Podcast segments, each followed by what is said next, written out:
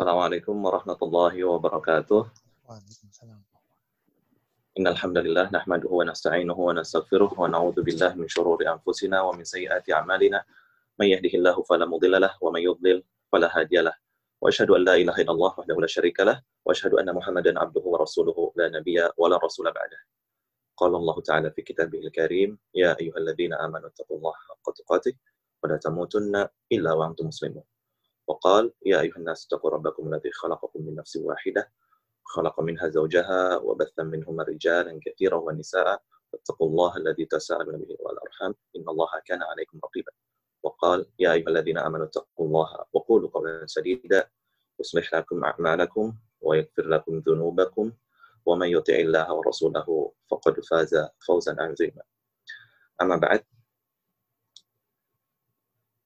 وحدثنا جماعة الشيوخ وهو أول حديث سمعته منهم بإسناد كل إلى سفيان بن عيينة عن أمر بن دينار عن أبي قابوس مولى عبد الله بن عمرو بن العاص رضي الله تعالى عنهما عن عبد الله بن عمرو بن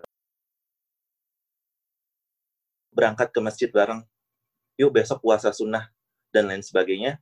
Ini adalah bentuk ajakan kepada kebaikan. Ya, ini pemberian kita kepada orang lain yang disebut dengan hidayah irsyad. Terlepas orang itu mau ataupun enggak. Ya. Adapun tadi yang pertama adalah hidayah, hidayah taufik. Yang ini mutlak hanya milik Allah Subhanahu wa taala dan tidak dimiliki oleh manusia, sekalipun itu baginda Nabi SAW. Jelas ya, dalam hal ini kita semua tahu yang contoh paling real dalam hal ini adalah baginda Nabi SAW bagaimana mendakwahi paman beliau Abu Talib. Dan kita juga tahu bagaimana perjuangan Abu Talib dalam membela agama Islam. Tapi Allah Subhanahu wa taala tidak menghendaki adanya hidayah hidayah taufik buat Abu Talib. Maka bagaimanapun Nabi SAW mendakwahi Abu Talib, Abu Talib tidak tidak masuk Islam sampai akhir hayatnya. Nah, dari sini kita benar-benar mensyukuri bagaimana ketika Allah Subhanahu wa taala memberikan kepada kita hidayah taufik. Kita bisa sekarang bareng-bareng ikut ngaji, kajian, ya. Duduk di majelis ilmu, ini tentu adalah hidayah taufik dari Allah. Mungkin ada ya yang kemarin misalkan uh, udah dikasih info. Oh, nanti besok ada kajian. Khair insya Allah mau ikut kajian. Tapi qadar Allah ternyata ada halangan. Bisa jadi memang ada halangan atau ada udur yang memang uh, dia perlu banget untuk melakukan hal-hal uh, tersebut. Tapi bisa jadi terkadang waliyadzubillah Allah Subhanahu wa taala menjadikan kita disibukkan dengan hal lain sehingga kita terhalang dari kebaikan. Maka dari sini kita pun harus bersyukur ya dan di sisi lain terkadang kita harus juga introspeksi diri. Nah, pada kesempatan kali ini jelas kita bersyukur Allah Subhanahu wa taala kasih kita hidayah taufik. Bisa ikut kajian, bisa ikut thalabul ilm. Karena berapa banyak orang yang Allah Subhanahu wa taala nggak kasih izin hidayah hidayah taufik ini. Jadi sama sekali memang terhalang dari yang namanya kebaikan. Waliyatubillah. Ya. Pada kesempatan kali ini insya Allah taala kita akan membahas hadis Ar-Arba'in An-Nawawiyah. Hadis Arba'in dari Al-Imam An-Nawawi rahimahullah taala. Uh, metodenya insya Allah saya ingin kita semua sama-sama menghafal ya. Di sini insya Allah semua udah punya kitab matan hadis arba'in ya ataupun syarahnya baik itu dalam bentuk buku ataupun dalam bentuk PDF ataupun juga bentuk aplikasi ya. Insya Allah uh, mudah didapat dan saya harap untuk yang hadir di kajian kali ini ya dan seterusnya setiap kajian bawa kitabnya atau dibuka aplikasinya ataupun uh, file PDF-nya ya sambil dihafalkan. Jadi misalkan sekarang kajian hadis arba'in nomor satu. Ya kemungkinan insya Allah Taala kita akan kajian ini satu pekan satu hadis ya. Berarti kurang lebih ada sekitar 50 pekan kita akan membahas 42 hadis dari Imam Nawawi rahimahullah taala. Kemudian tambahan 8 hadisnya ya dari tambahan Imam Ibnu Rajab rahimahullah taala. Jadi 50 hadis mungkin 50 pekan ini waktu yang mungkin bisa sampai setahun lebih ya tapi bismillah taala sedikit-sedikit ya kita bisa menyelesaikannya. Banyak para ulama sabar banget dalam menjelaskan uh, apa namanya ilmu agama. Ya. Di sini saya nggak nyamain diri saya sama ulama enggak ya. Kita sama-sama semua. Dalam arti banyak di antara masyaikh ya, ulama-ulama dari zaman dulu sampai yang zaman sekarang mereka ngebahas kitab itu sampai puluhan tahun. Ya. Seperti Syekh Ibn Humaid, kurang lebih dua tahun yang lalu beliau menghabiskan pembahasan kitab tamat selama 27 tahun. Ya. Kemudian Syekh Abdul Muhsin Al-Abbad, ayah dari Syekh Abdul Razak di Madinah. Beliau, Masya Allah, selama 22 tahun mensyarah kutubus sittah dari mulai Sahih Bukhari, Muslim, Abu Dawud, Tirmidzi, Nasai, Ibnu Majah. Selesai, balik lagi ke Bukhari, Muslim, kemudian sekarang uh, membahas Muwatta Imam Malik. Ya, jadi pentingnya istiqomah dalam menuntut ilmu dan sabar ya. Karena kita tahu di antara nasihat Imam Syafi'i rahimahullah taala ya terhadap orang yang ingin menuntut ilmu di antaranya dibutuhkan kesabaran. Nah, maka insya Allah kita akan membahas kitab hadis Arba'in Nawawi ini, kitab yang sangat mulia, kitab yang sangat agung. Ya. Dan insya Allah nggak berat. Satu pekan ngafalin satu hadis, ya. Satu pekan hafalkan satu hadis. Jadi, uh, sekarang misalkan pembahasan hadis nomor satu. Udah ngafal ini hadis nomor satu. Kemudian besok pekan depannya hadis nomor dua sudah hafal nomor dua dan seterusnya dan seterusnya. Nanti insya Allah Taala uh, saya juga nanti mungkin akan nanya secara acak. Coba Fulan baca, kita jujur-jujuran ya, jangan sambil baca uh, lihat kitabnya tapi baca dengan dengan hafalan. Dipilih secara acak, antum coba baca, antum baca, antum baca, antum baca, gitu ya. Bismillah taala. Kitab yang akan kita bahas uh, tadi kita sebutkan yaitu Al-Arba'in An-Nawawiyah. Kemudian mungkin Al-Akh Syauqi hafizahullah sudah menjelaskan atau mungkin sudah pernah memberitahu bahwa bismillah taala kita akan membahas kitab Arba'in ini uh, 42 hadisnya beserta 8 hadis tambahan Imam Ibn Rajab itu nanti insya Allah akan ada sanad bismillah ta'ala sampai ke al-imam an-nawawi rahimahullah ta'ala langsung.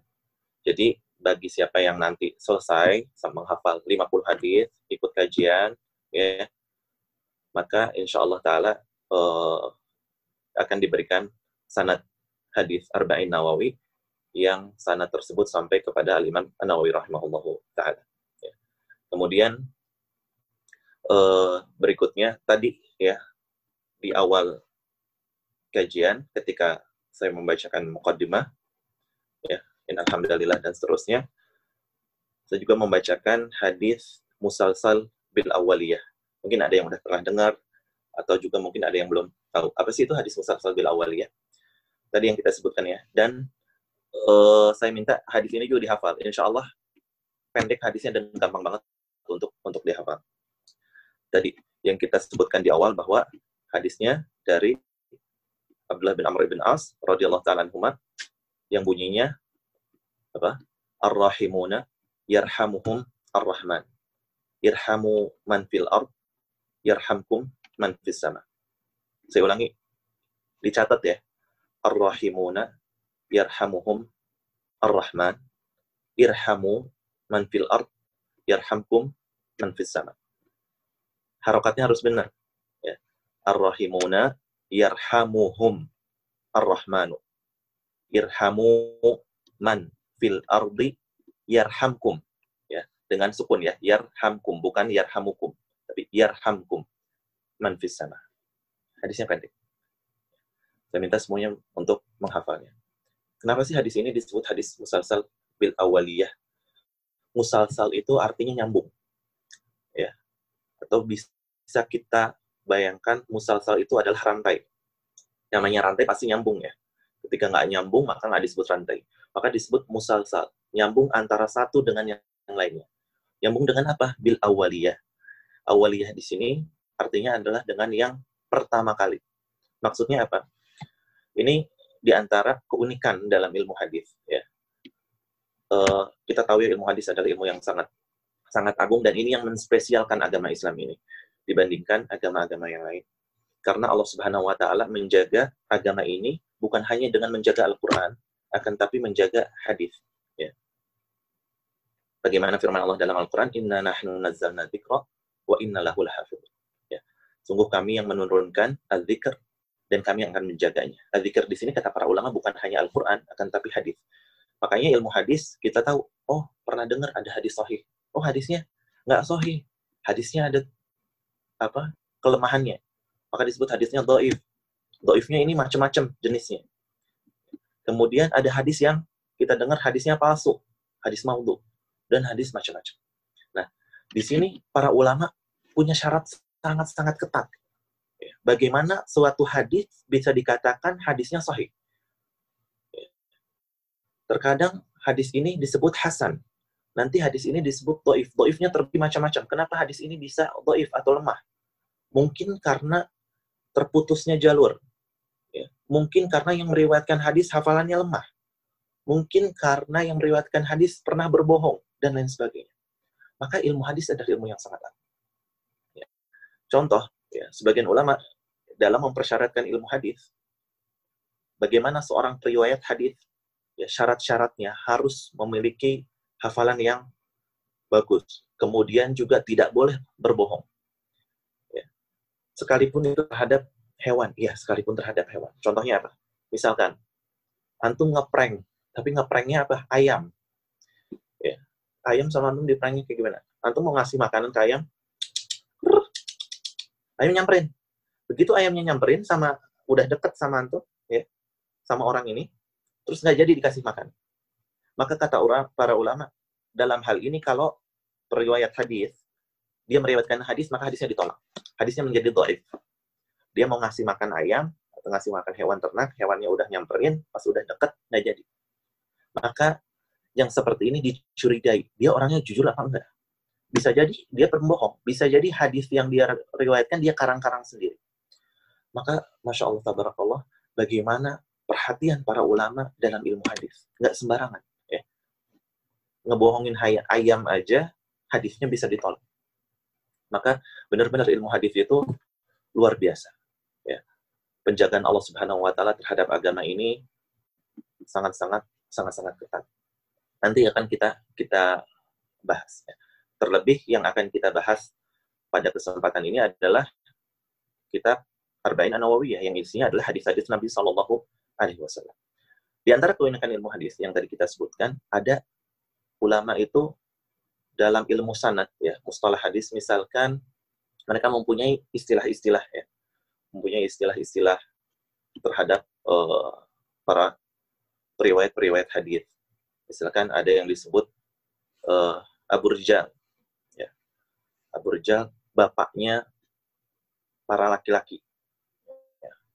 Ya. Maksudnya apa? Oh, ini orang ini dikasih lakop ini dalam ilmu hadis diketahui oh Abu Rijal itu siapa? Dia punya 10 orang anak laki-laki. Nah, maka dikenal dengan Abu Rijal. Kemudian dalam sanad hadis disebutkan kadang sanatnya semua makiyun, semua misriyun, oh berarti yang riwayatin hadis ini semua adalah ulama Mesir. Ya, sampai ditulis oleh Imam Bukhari misalkan sampai ditulis oleh Imam Muslim. Atau misalkan Makyun yang riwayatin hadis ini semua jalurnya orang-orang orang-orang Mekah. Itu disebut oleh para ulama salah satu di antara keunikan ilmu hadis. Di antara keunikannya juga tadi ya kita sebutkan di awal bahwa ada yang namanya hadis musalsal bil awaliyah. Musalsal bil awaliyah adalah tadi yang nyambung bagikan rantai dengan al awaliyah. Apa itu al-awaliyah? Yaitu yang tadi kita sebutkan hadisnya ar-rahimuna yarhamuhum ar-rahman irhamu man fil ard yarhamkum man fis sama. Kenapa disebut al-awaliyah? Karena para ulama ketika menjelaskan hadis ini biasanya hadis ini pertama kali dibacakan adalah pasti hadis ini dan muridnya atau yang misalkan hadir di kajiannya pertama kali dengar dari seorang ini adalah hadis ini. Contoh misalkan uh, saya ketika ikut kajian ini untuk apa namanya kita lebih mudah untuk memahami ya. Ikut kajian sama Syekh Al Utsaimin. Pertama kali ikut kajian hadir di majelis beliau, beliau baca hadis ini. Kemudian beliau ngambil hadis ini dari gurunya. Ketika beliau dengar dari seorang gurunya ini pertama kali hadis yang dia dengar dari gurunya, beliau dengar dari gurunya adalah hadis ini. dan terus sampai tadi Sufyan ibn Uyainah ya kan? Sampai akhirnya ke uh, murid-muridnya. Sampai ke zaman sekarang. Makanya tadi saya sebutkan di awal di awal pertemuan adalah hadis ini. Nanti insya Allah antum juga akan uh, diberikan bismillah hadis ini sanad hadis musalsal bil awaliyah uh, dengan syarat tadi sudah menghafalnya. Dan ini memang di antara keunikan ilmu hadis tadi kita sebutkan ya. Nggak nggak terlalu ribet dalam uh, pemberian sanad hadis. Beda kalau meriwayatkan hadis dan sekarang sudah ada tidak ada lagi ya meriwayatkan hadis karena sudah diriwayatkan oleh para ulama-ulama Imam Bukhari, Imam Muslim, Imam Abu Daud, Tirmidzi dan lainnya. Ya, jadi ini hanya untuk sekedar sanad. Oh kita tahu pernah dapat hadis ini dari siapa? Dari siapa? Dari siapa? Jalurnya nyambung, musalsal, ya sampai ke baginda Rasulullah Shallallahu Alaihi Wasallam.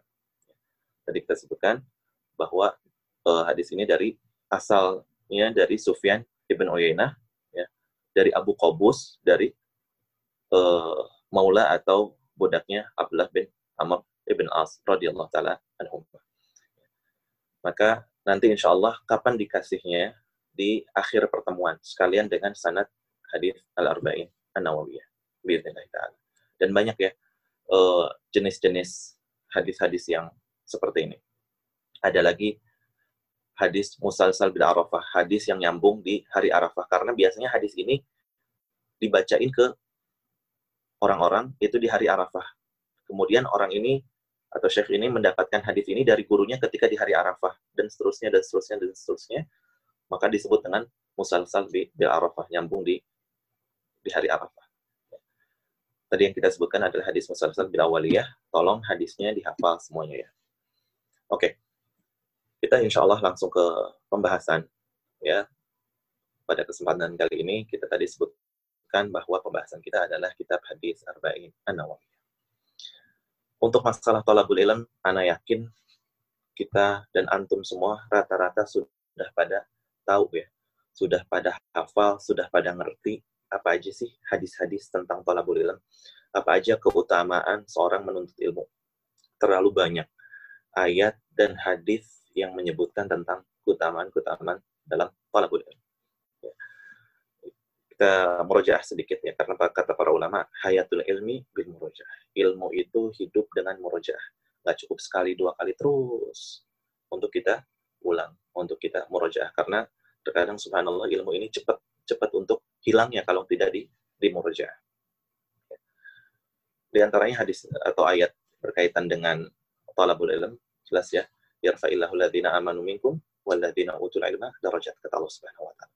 Allah akan mengangkat derajat orang yang memiliki ilmu dibandingkan orang-orang yang biasa, dibandingkan orang beriman lainnya, maka orang yang memiliki ilmu Allah Subhanahu wa taala angkat derajat.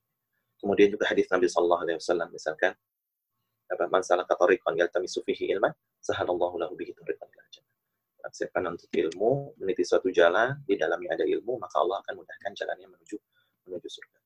Hadis lainnya kita tahu bahwa malaikat akan ridho, kemudian uh, hewan-hewan akan beristighfar bagi seorang penuntut ilmu, kemudian juga bahkan uh, hewan-hewan di dalam lautan, semut di dalam lubangnya akan beristighfar kepada Allah meminta ampunan untuk orang yang menuntut ilmu. Maka insya Allah Taala kita dengan dengan sangat yakin dan husnudon dengan Allah, kita pada kesempatan kali ini sedang menuntut ilmu, ya, dan Allah Subhanahu Wa Taala memberikan keutamaan ini kepada kita semua. Ya. Kemudian eh, sebelum kita mulai, tentunya saya mengingatkan diri saya pribadi dan kita semuanya untuk sama-sama yuk kita koreksi lagi niat kita, maksud kita untuk talabul ilm apa tentunya yang paling penting adalah mengikhlaskan niat kepada Allah Subhanahu wa taala. Jelas sebelum menuntut ilmu ataupun amal-amalan soleh lainnya adalah pentingnya kita mengkoreksi niat. Ikhlas nggak sih kita dalam beramal? Ini kita beramal untuk siapa? Tujuan kita ngapain sih ngabisin waktu duduk sejam dua jam? Untuk apa? Ya, jelas keikhlasan ya dalam menuntut ilmu di antara tujuannya adalah mengangkat kebodohan yang ada dalam dari diri kita dan juga untuk mengangkat kebodohan yang ada dalam diri orang lain. Di antara kita menjaga keikhlasan dalam menuntut ilmu tujuannya adalah tentunya tadi kita boleh ya e, mengharapkan ganjaran atau pahala dari Allah Subhanahu wa taala. Ini tidak menafikan keikhlasan. Ketika thalabul ilm niatnya apa salah satunya selain mencari ridha Allah, saya pengen Allah mudahkan jalan saya menuju surga karena ini janji Allah Subhanahu wa taala. Janji Nabi Shallallahu alaihi wasallam. Maka yang seperti ini tidak tidak bertentangan dengan keikhlasan dalam menuntut ilmu. Insya Allah lebih jelasnya kita akan jelaskan dalam hadis yang pertama ini. Ya. Kemudian istilah atau peribahasa dalam bahasa Indonesia kita juga tahu ya, tak kenal maka tak sayang. Kita pengen tahu Al-Imam An-Nawawi rahimahullah taala mengarang kitab hadis Al-Arba'in An-Nawawiyah yang akan kita bahas ini. Kenapa sih beliau mengarang atau menulis hadis ini? Menulis kitab ini? Kemudian siapa sih Al-Imam Nawawi rahimahullah taala? Ya. Sebelum kita mulai, ada baiknya kita tahu, mengenal ya walaupun sedikit tentang latar belakang Al-Imam Nawawi rahimahullah taala ketika menulis hadis ini. Sebelumnya Al-Imam Nawawi rahimahullah taala ya namanya adalah Yahya ibn Syaraf An-Nawawi Ad-Dimashqi. Beliau berasal dari Suria ya, dari dari Damaskus. Beliau ulama yang lahir di tahun 631 Hijriah, ya, ulama besar dari kalangan madhab Syafi'i. Ya. Bahkan dalam madhab Syafi'i, ya, kalau dalam kitab-kitab ya, dalam madhab Syafi'i ada istilah syaikhan atau syaikhain itu adalah salah satunya Imam Nawawi rahimahullah taala. Dalam ilmu hadis ya, kalau disebut syekh pasti Imam Bukhari Syaikhan Imam Bukhari dan Imam Muslim. Ya. Dalam madhab Hanafi ada istilah Syaikhan ini siapa? Dalam madhab Maliki ada. Dalam madhab Hambali pun ada. Berarti ini adalah syekhnya mereka, yaitu ulama besarnya mereka, ulama rujukannya mereka. Begitu juga dengan Al-Imam Nawawi rahimahullah ta'ala. Al-Imam Nawawi, ya, dalam madhab Syafi'i, madhab yang tersebar bagi kita di Indonesia, dikenal dengan istilah atau dilakopi dengan istilah Syekhain. Satunya Imam Nawawi, satunya Imam Rafi'i rahimahumullah taala. Jadi kalau antum atau kita ya, buka kitab uh, madhab Syafi'i ada istilah Syekhain, udah nggak mungkin salah siapa yaitu pasti Imam Nawawi rahimahullah taala di antaranya. Maka Imam Nawawi memang dikenal sebagai orang yang merapihkan madhab Syafi'i, yang menyusun madhab Syafi'i, yang pendapatnya itu menjadi rujukan dalam madhab syafi'i. Ya. Karena kita tahu ya, dalam masalah fikih pasti nggak lepas dari yang namanya perbedaan pendapat. Walaupun banyak banget ya masalah-masalah yang disepakati oleh para ulama. Oh, masalah ini, ini masalahnya kita mungkin sering dengar ya, masalahnya ijma. Oh, ijma ulama. Ittifak ulama. Ulama bersepakat dalam hal ini. Ulama bersepakat dalam hal ini, dalam hal ini, dan sebagainya. Tapi kita juga sering dengar, masalah ini ada perbedaan pendapat di kalangan ulama. Masalah ini ada perbedaan pendapat.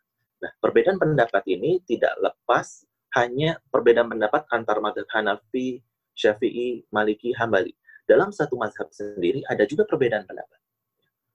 Terutama dalam madhab Hambali ya, banyak perbedaan pendapat. Makanya dalam kitab-kitab madhab Hambali banyak disebutkan di sini ada riwayat anil Hanabilah, riwayat anil Hanabilah. Jadi dalam satu madhab bisa ada empat pendapat. Ya. Yang satu pendapatnya sama-sama Hanafi, yang satu sama-sama Maliki, yang satu sama-sama Syafi'i, yang satu punya pendapat sendiri. Ini dalam satu madhab. Begitu juga dalam madhab Syafi'i. Dalam madhab Syafi'i juga ada perbedaan pendapat. Dalam satu madhab ya. Dalam dalam satu madhab. Maka perbedaan pendapat ini Imam Nawawi rahimahullah taala biasanya beliau yang akan menelitinya. Dalam arti beliau memilah-milih. Di mana nih dalil yang paling kuat, kemudian yang paling sesuai, kemudian dilihat dari pendapat Imam Syafi'inya itu sendiri, kemudian dilihat dari pendapat muridnya Imam Syafi'i ya, dilihat dari pendapat Imam Al-Juwaini, dilihat dari pendapat imam-imam yang lain. Nah, dan pendapat Imam Nawawi dalam madhab Syafi'i termasuk pendapat yang mu'tamad atau pendapat yang dianggap. Jadi kalau ada perbedaan pendapat dalam madhab syafi'i, ya ada pendapat A, B, C, dan D. Kemudian Al-Imam Nawawi mengambil pendapatnya beliau dalam masalah ini adalah A. Misalkan, hukumnya Ada yang mengatakan satu pendapat misalkan, ada yang mengatakan makruh, ada yang mengatakan haram. Ya, dalam madhab syafi'i terbagi menjadi dua, misalkan, dalam satu permasalahan. Kemudian Imam Nawawi mengatakan hukum ini adalah makruh. Maka ya, yang jadi patokan dalam hal ini adalah pendapatnya Imam Nawawi. Ya. Jadi di buku-buku Syafi'iyah yang ada saat ini, ya buku-buku akhir-akhir Syafi'iyah, siapa yang jadikan rujukan adalah Imam Nawawi rahimahullah taala. Kalau ada perbedaan pendapat dalam mazhab Syafi'i, ada beberapa pendapat, pendapatnya Imam Nawawi itulah yang dijadikan rujukan dalam mazhab Syafi'i. Ini di antara kemuliaan atau keutamaan Imam Nawawi rahimahullah taala.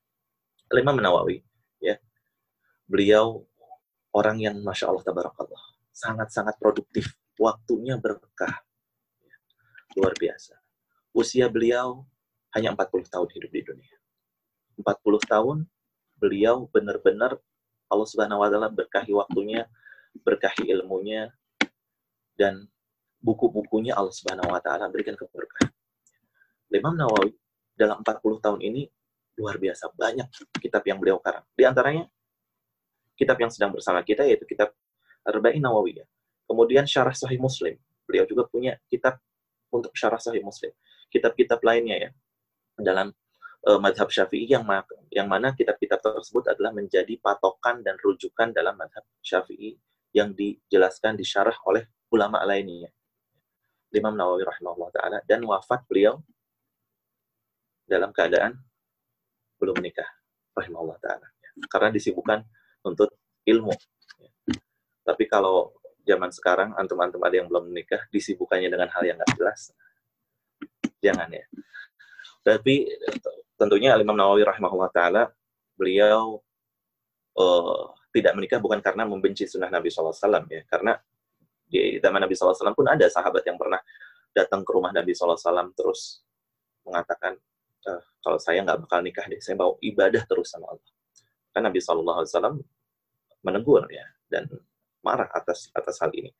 Dia mengatakan man an sunnati falaysa minni. Siapa yang benci terhadap sunnahku maka bukan bagian bukan bagian dari kan nikah di antara sunnah Rasulullah SAW yang juga hukumnya dalam agama Islam ya, terbagi menjadi lima ya hukum bisa jadi mubah bisa jadi wajib bisa jadi haram bisa jadi makruh bisa jadi sunnah maka antum lebih tahu sekarang posisi antum yang belum nikah itu sudah wajib ataukah masih sunnah atau bahkan mubah intinya eh, tadi kita sebutkan ini eh, selingan aja ya. Imam Nawawi rahimahullah taala belum pernah menikah sampai akhir hayatnya rahimahullah taala. Imam Nawawi ya dalam menulis kitab Al-Arba'in An-Nawawiyah ini beliau memiliki syarat.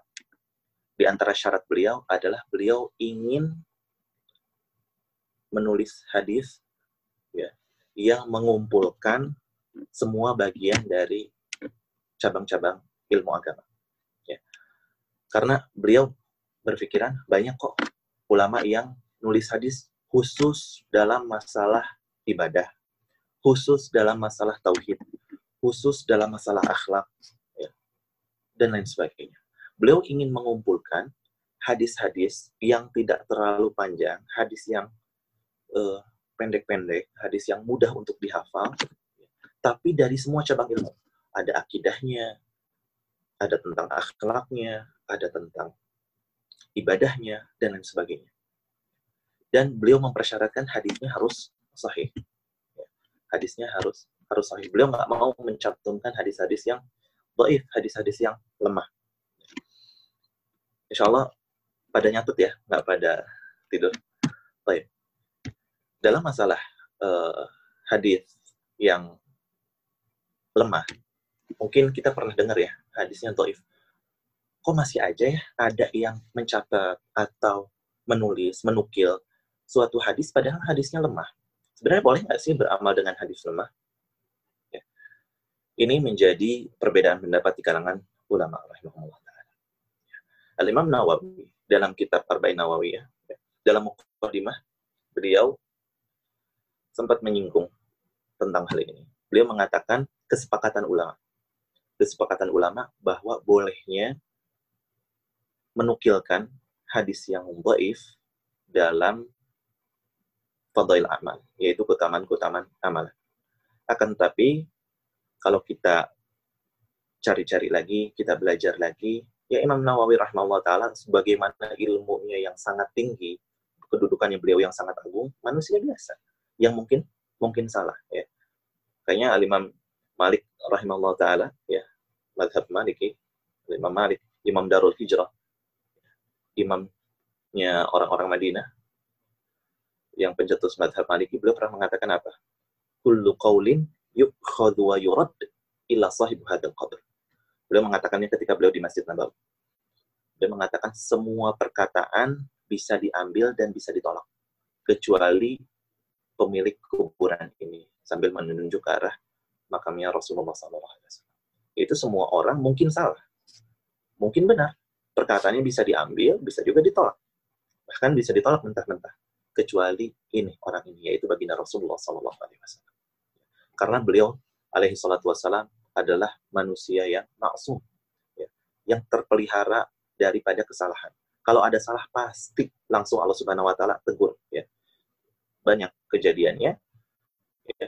Di antaranya kita tahu ya sebab turunnya ayat abasa wa tawalla. Ya. Beliau sempat agak bermuka masam dengan Abdullah bin Umi Maktum ketika pengen belajar Islam. Beliau alaihi salatu wasallam sibuk ingin mendakwahi pembesar-pembesar kafir Quraisy. Kan tapi Allah Subhanahu wa taala tegur, kenapa bermuka masa? Harusnya dakwah itu untuk semuanya, semua kalangan, ya. Nabi SAW pun ya, manusia yang ada rasa lelahnya, ya, ada rasa uh, tapi ketika beliau SAW pasti langsung Allah Subhanahu wa taala tegur. Makanya beliau terpelihara dari kesalahan alaihi salatu Tapi orang lain selain beliau pasti salah. Sekalipun Abu Bakar dan Umar, ya sekalipun Abu Bakar. Mungkin salah, mungkin keliru, mungkin. Umar bin Khattab radhiyallahu taala pernah suatu ketika ada orang yang ketok pintu rumahnya. Ketok pintu rumahnya, beliau belum keluar dari rumahnya, diketok, ketok lagi. Assalamualaikum, ketok, ketok. Kemudian sama Umar bin Khattab, kemudian ditanya, kok pulang? Kenapa nggak ketok aja sampai saya keluar? Kenapa nggak tunggu? Maka orang ini bilang, saya pernah dengar hadis Nabi Shallallahu Alaihi Wasallam minta izin itu tiga kali. Assalamualaikum, Assalamualaikum, Waalaikum, nggak dibukain pintu. Kalau ada, maka Alhamdulillah, nggak ada, maka pulang. Ya, ini di antara adab Islam yang diajarkan oleh Nabi Shallallahu Alaihi Wasallam. Kata Umar bin Khattab, benar Nabi Wasallam pernah bilang seperti itu, ada hadisnya. Gimana? Jelas nggak suaranya sekarang? Coba dong, ada yang sudah jelas, Ustaz, sudah jelas. Sudah jelas. Oke. Okay. Barakallah. Jazakumullah. Ya. Oke. Okay. Nanti insya Allah uh, akan ada sesi pertanyaan juga ya di akhir. Kemudian nanti di tengah-tengah kajian juga uh, mungkin saya akan bertanya yang bisa jawab boleh diaktifkan mikrofonnya atau juga boleh di tulis di kolom chatnya. Ya. ya, tadi kita sebutkan ya, sampai Umar bin Khattab radhiyallahu Jadi Umar bin Khattab radhiyallahu taala sebagaimanapun tingginya kedudukan beliau, beliau pun manusia biasa ya, yang mungkin keliru, yang mungkin ilmunya beliau pun terbatas. Beliau tidak tahu hadis tentang harus minta izin masuk rumah itu sampai mendengar uh, hadis ini ya, kejadian kejadian ini ada orang yang ngetok pintu pintu rumah. Nah, bagaimana dengan orang lain ya, yang kedudukannya di bawah Umar bin Khattab? Abdullah bin Mas'ud juga pernah menegur seorang yang dikasih tahu tentang hadis Nabi SAW, orang ini ngeyel. Dia jawab, ngebantah kepada Abdullah bin Mas'ud, bilangnya, Abu Bakar sama Umar juga ada pendapatnya seperti ini. Maka Abdullah bin Mas'ud marah, marah besar. Beliau mengatakan, saya sedang mengatakan kepada kamu pendapat atau perkataan Rasul SAW, kemudian kamu bantah dengan perkataan Abu Bakar dan Umar.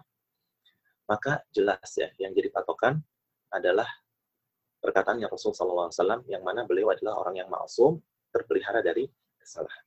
Nah, Imam Nawawi, tadi kita sebutkan ya, menukil dalam hadis doif, dia mengatakan ijma, kesepakatan ulama bahwa boleh uh, menukil hadis doif dalam masalah fadail fadail amal ya keutamaan keutamaan amalan maka kita katakan Allah Ta'ala alam bahwa banyak ulama yang menyebutkan ternyata ini bukan ijma, akan tetapi jumhur atau mayoritas.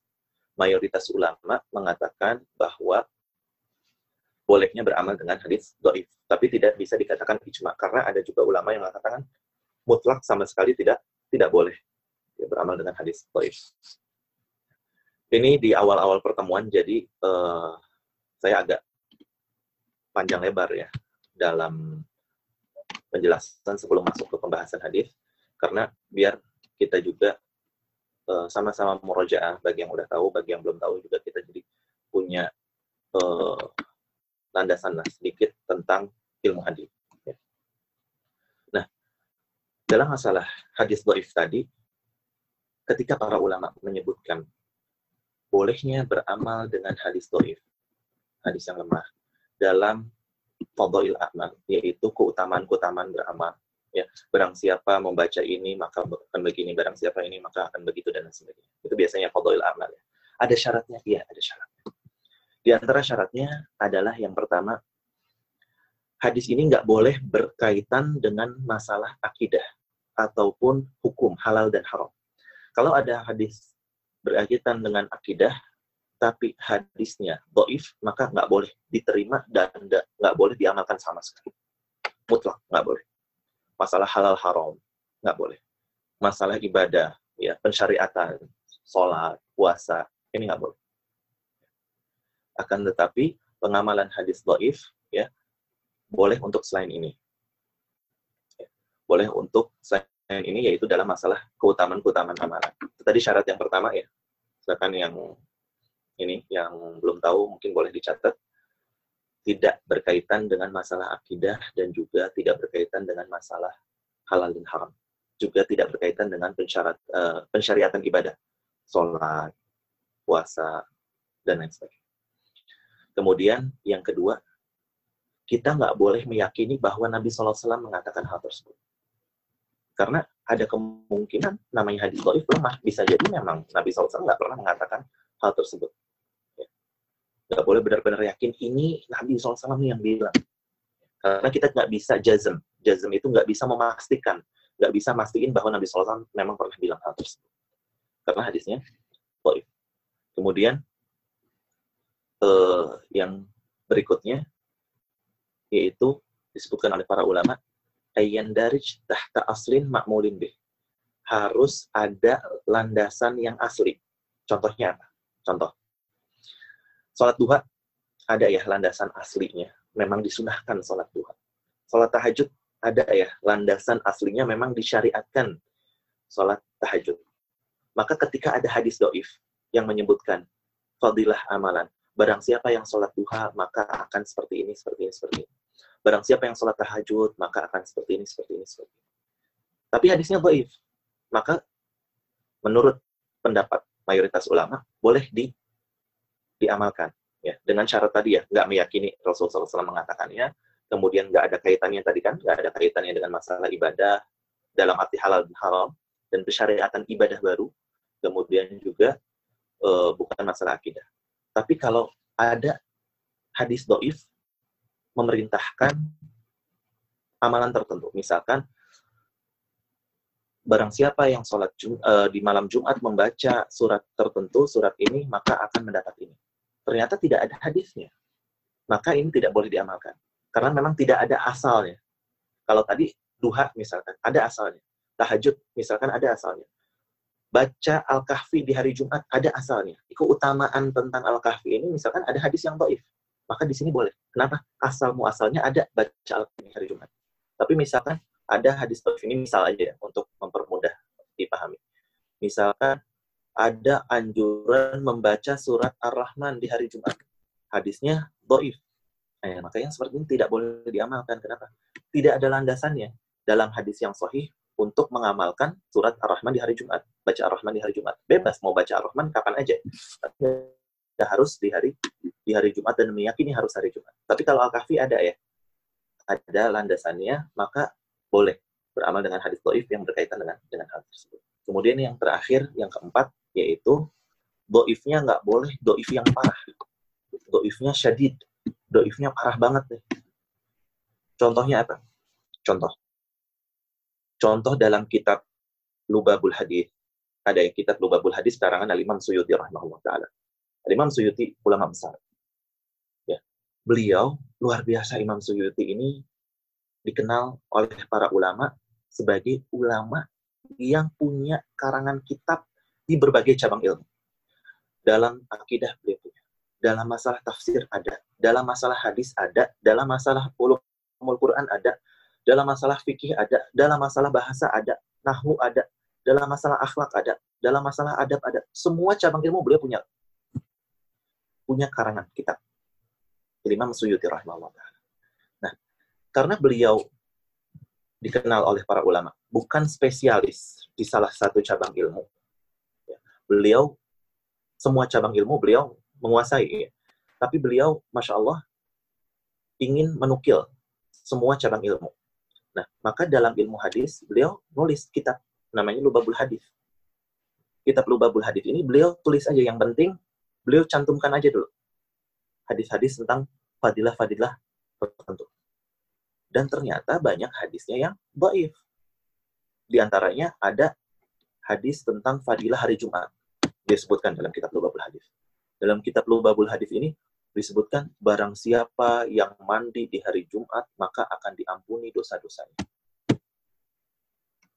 Akan diampuni dosa-dosa-dosanya ada nggak sih sebenarnya sunnah sholat uh, mandi di hari Jumat? Ada. Masuk tuh tadi ke salah satu syaratnya. Ini hadisnya kaitan sama akidah nggak? Nggak. Masuk lagi ke syarat yang berikutnya. Kemudian kita nggak meyakini ya Nabi SAW mengatakan had, uh, hadis tersebut.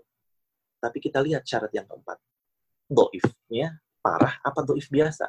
Ternyata ketika kita lihat doifnya parah maka hadis ini tidak bisa diamalkan. Dalam arti kita jadikan pacuan. Kalau mandi hari Jumat pasti diampuni dosa. Ya. Mandi di hari Jumat adalah sunnah.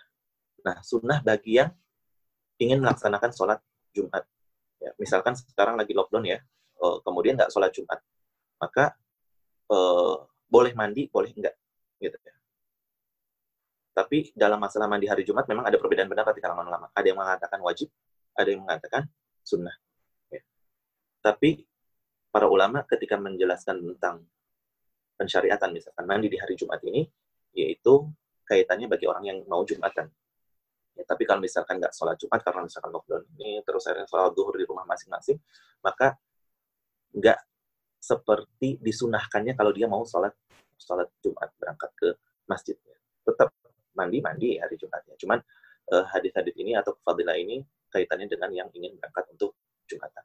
Nah, itu tadi kita sudah sebutkan ya, contoh empat syarat pengamalan hadis doif beserta contohnya tadi ya. Yang di antaranya terakhir tadi kita sebutkan, yaitu hadis dalam kitab Lubabul Hadis, punyanya Imam Suyuti rahimahullah ta'ala. Nah, bagaimana mengetahui doifnya parah? Di sini dilihat ya, Imam Suyuti dalam kitab Lubabul Hadis itu nggak cantumin sanatnya sama sekali. Langsung aja. Kalau Rasulullah Shallallahu Alaihi Wasallam begini begini begini. Dari sahabatnya siapa? Siapa? Misalkan dari Abdullah. Mohon maaf, audionya yang masih aktif, mic-nya mohon dimatikan dulu. Jazakumullah khair. Ya. Tidak disebutkan, langsung aja beliau nyebutin hadisnya. Karena tadi tujuan Imam Suyuti yang penting ngumpulin dulu deh. Kumpulin dulu hadis-hadisnya kalau para ulama melihat hadis ini, oh berarti hadisnya doif. Ya, hadisnya hadisnya doif. Nah, tapi kita sebagai orang awam, kita nggak tahu. Oh, pokoknya ini hadis saja. Ada dalam kitab Lubabul Hadis. Ya. Bahkan di karang, eh, di syarah, ya dijelaskan Lubabul Hadis ini dalam kitab Tanqihul Qaul. Ya, Tanqihul Qaul, karangan Al-Imam Nawawi Al-Bantani, rahimahullah ta'ala. Dan banyak ya tersebar di Indonesia. Nah, tapi terkadang ketika orang menjelaskannya tidak dijelaskan gitu. hadisnya doif atau enggak? Akhirnya tersebarlah hadis-hadis doif nah bagaimana bisa tahu doifnya parah? Dilihat tadi para ulama bisa menghukumi hadis tersebut doifnya parah dilihat dari sanad dilihat dari sanad-sanadnya ya.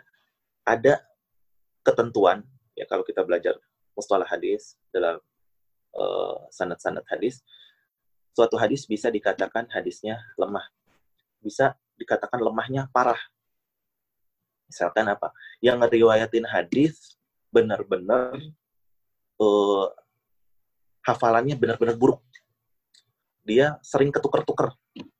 Maka ini parah. Ya.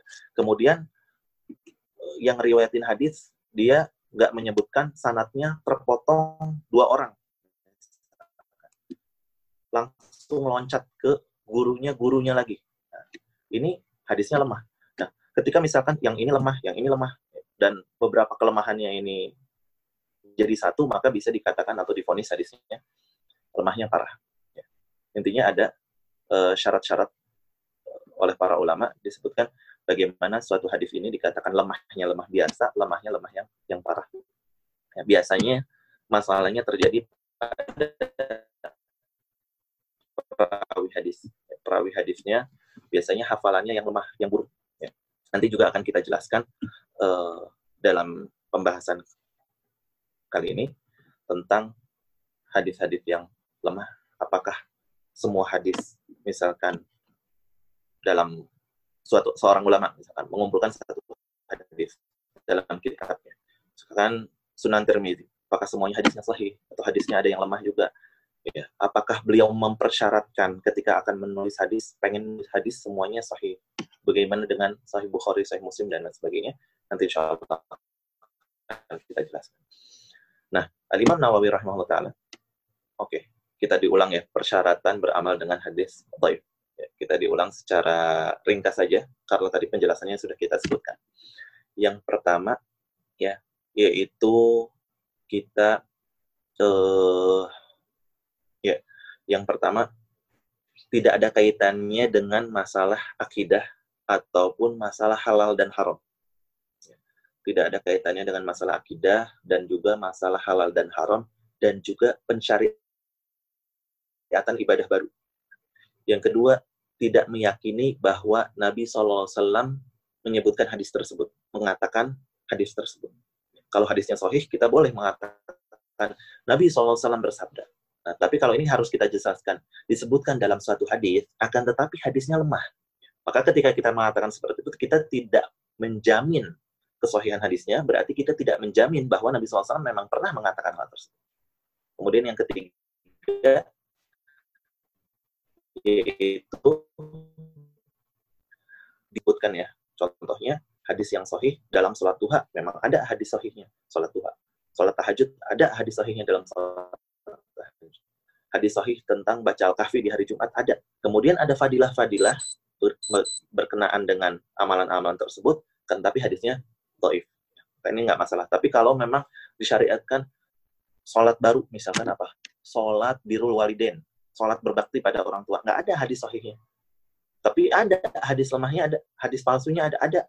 Makanya yang seperti ini tidak boleh diamalkan. Kenapa? Nggak ada dasar dari hadis sahihnya. Nah, yang terakhir, yang keempat,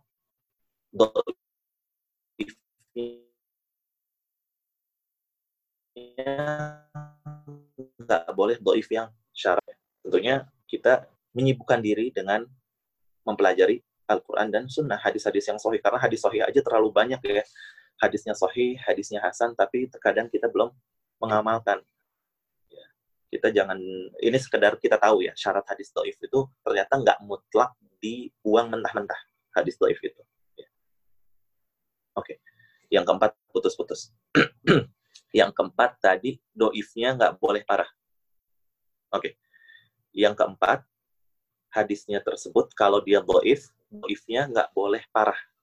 Ya, tadi sempat kita singgung tentang apa yang dimaksud doifnya atau lemahnya parah. Ya. Biasanya cacatnya atau kekurangannya terjadi pada periwayat hadisnya. Ya, periwayat hadisnya misalkan hafalannya buruk, hafalannya benar-benar lemah, dia kecampur-campur hafalannya. Ya. Udah banyak lupa. Atau buat itu bilang sekalian mau tuh jelas tidak tidak boleh ya hadisnya palsu. Nah, itu tadi syarat yang keempat, doifnya tidak boleh, tidak boleh parah. Nah, wah iya. Oke, kita masuk ke pembahasan hadis arba'in.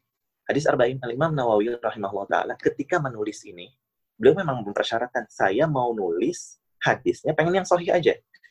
Dan ini juga yang disyaratkan oleh Imam Bukhari. Imam Muslim ketika mereka ingin menulis kitab Sahih Bukhari misalkan Imam Bukhari ketika doifnya oke okay. nggak boleh doif yang parah banget oke okay.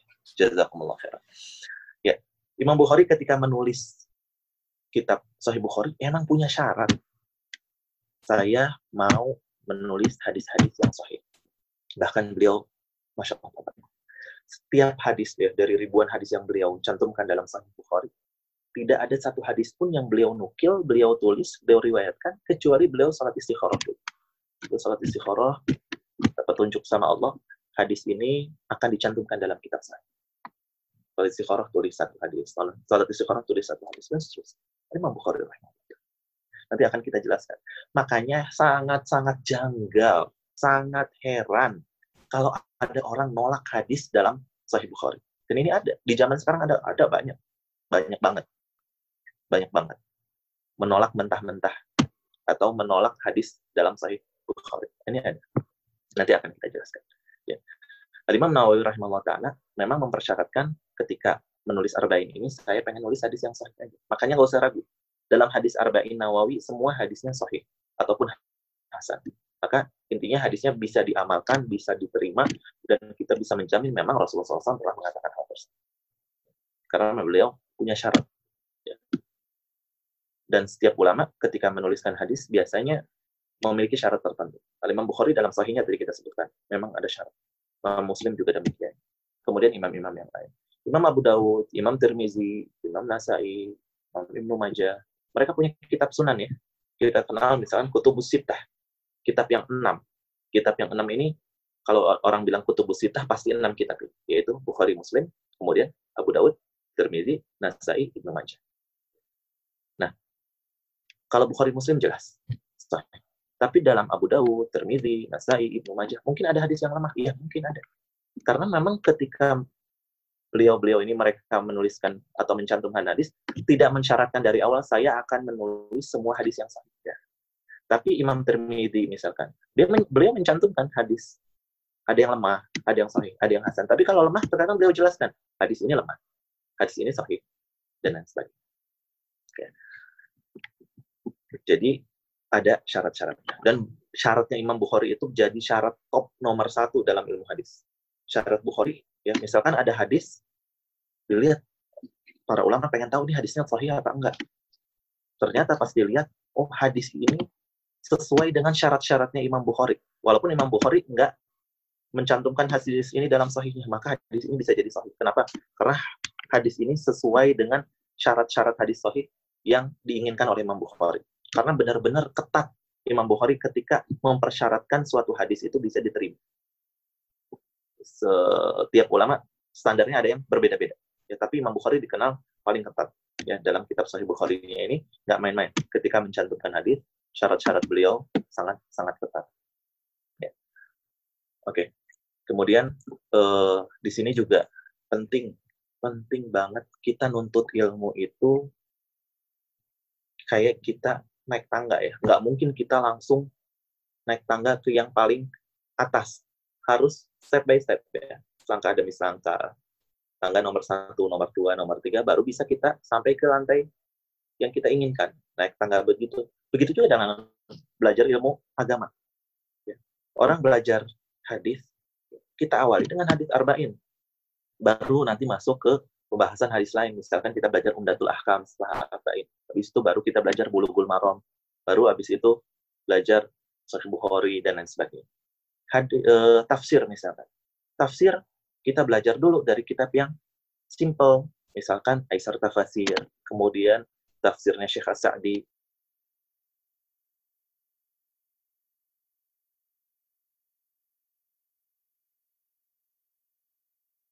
Tadi ada pertanyaannya uh, nanti sambil kita jawab kita jelaskan dulu ini. Nggak apa-apa kalau yang mau nanya ditulis di kolom komentar. Nggak masalah nanti sambil kita jawab. Ya.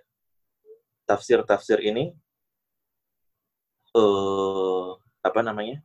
Tadi harusnya kita bertahap ya ketika belajar ilmu tafsir. Terkadang ada orang baru belajar pengen belajar ilmu tafsir langsung. Bacanya apa? Kitab Ibnu Katsir.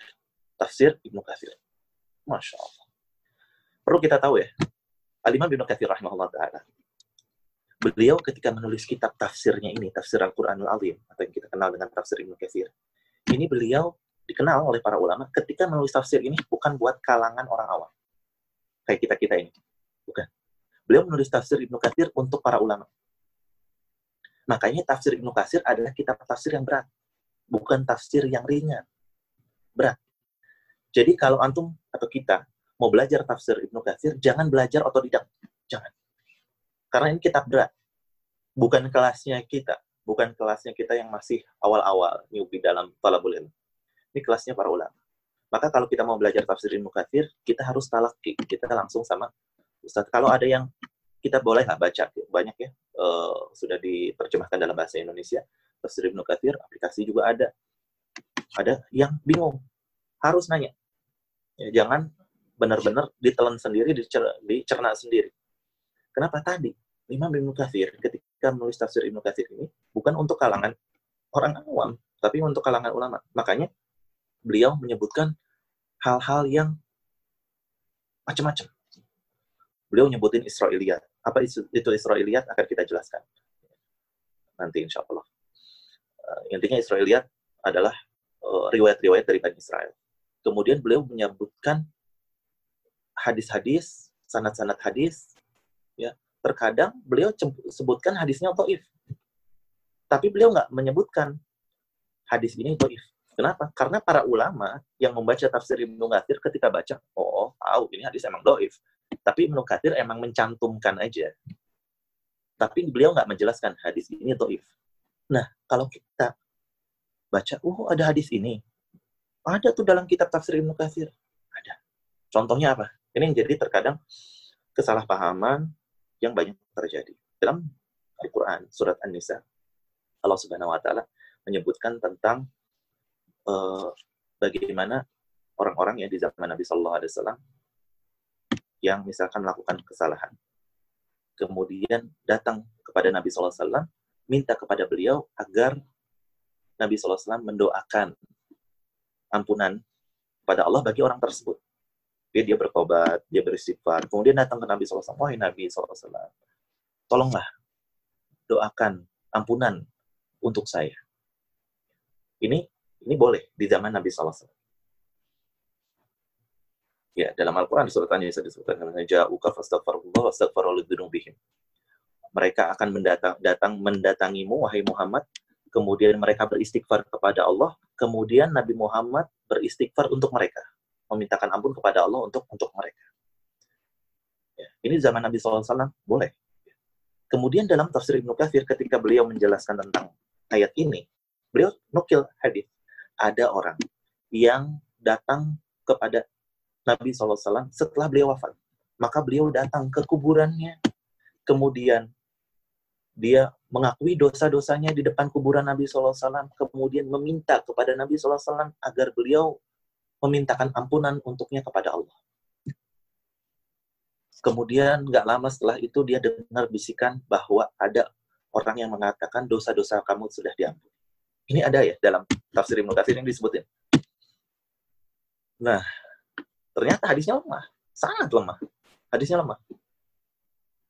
Tapi orang-orang akhirnya kemakan syubhat. Loh, ada dalam tafsir Ibnu Katsir. Akhirnya dia bilang pakai kias boleh kok kita datang ke kuburan, minta hajat kita agar yang sudah meninggal itu menyampaikan hajat kita kepada Allah. Ini bisa jatuh kepada kesyirikan. Ya. Bisa jatuh kepada kesyirikan. Imam Ibnu Katsir ketika menulis hadis ini, ya, beliau tahu bahwa hadis ini nggak sahih. Dan para ulama ketika baca ini tahu hadis ini nggak sahih. Tapi beliau menyebutkan karena ada kaitannya aja dengan ayat ini. Ya. Tapi maksud beliau ketika menjelaskan hadis ini adalah oh hadis ini berkaitan dengan ayat ini karena orang ini menganggap bahwa ayat ini datang kepada Rasulullah dan meminta minta ampunan kepada Allah dan meminta kepada Rasulullah agar meminta ampunan untuknya kepada Allah. Tapi Rasulullah SAW sudah meninggal, dia udah datang ke kuburannya. Ini itu adalah suatu hal yang tidak tidak tepat. Nah, tapi nah, Imam Ibnu Katsir tetap mencantumkan Nah, sekarang kalau kita orang awam, kita baca, nggak tahu itu hadisnya lemah, nggak tahu itu hadisnya bukan sahih, kita lihat, oh, boleh.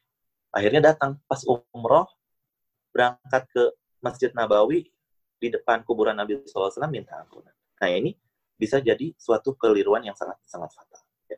Makanya tadi pentingnya bagaimana kita belajar ilmu itu tahap demi tahap ya dan belajar ilmu itu yang paling bagus adalah memang ngaji ya talaki bukan sekedar baca otodidak sendiri. Dari tadi belum masuk ke pembahasan hadis.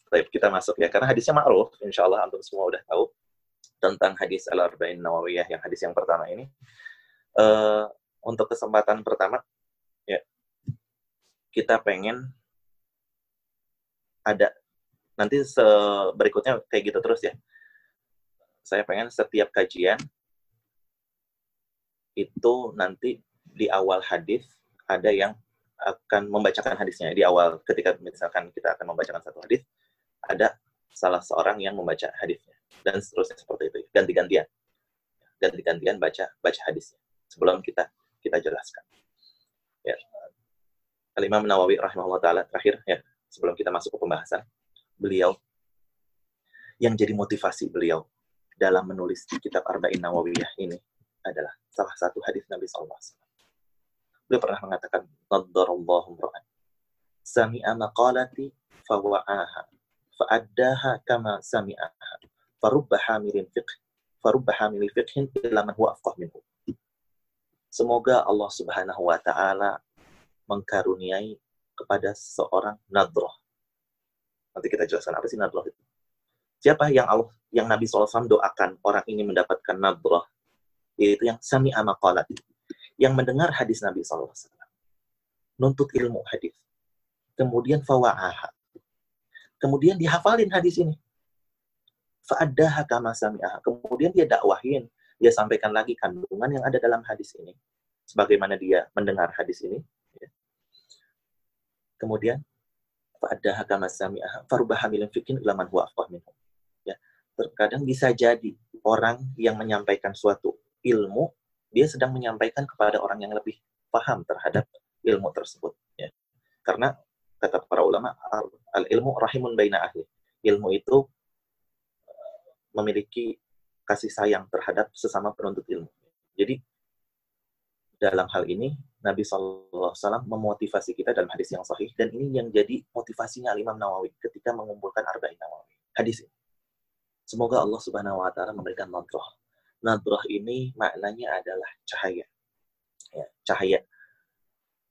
Bagi para ulama ketika menjelaskan makna nadroh, ya, ada yang menyebutkan cahaya pada wajah kemudian juga menjelaskan ketenangan. Dan juga makna nadrah ini adalah kemudahan dalam urusan duniawi dan ukhrawi. Kemudahan dalam kehidupan seorang muslim. Ini luar biasa. Nabi SAW ngedoain cahaya buat orang ini. Ya. Baik itu cahaya wajah maupun cahaya hati. Kemudian juga mendoakan bagi orang ini kemudahan dalam urusan kehidupannya. Kemudian dijernihkan pikirannya. Kemudian memiliki otak yang cemerlang. Ini adalah makna nadrah. Siapa? Yaitu yang menuntut ilmu hadis. Kemudian dia mendengar ilmu ini, dia hafalin, dia dakwahin. Nah, maka kita mohon kepada Allah Subhanahu wa taala agar Allah Subhanahu wa taala menggolongkan kita termasuk dalam hadis ini. Kita sekarang lagi dengerin hadis, kemudian yaitu ya, kita pengen semuanya ngafalin hadis ini dan juga nanti kita dakwahkan lagi hadis hadis ini.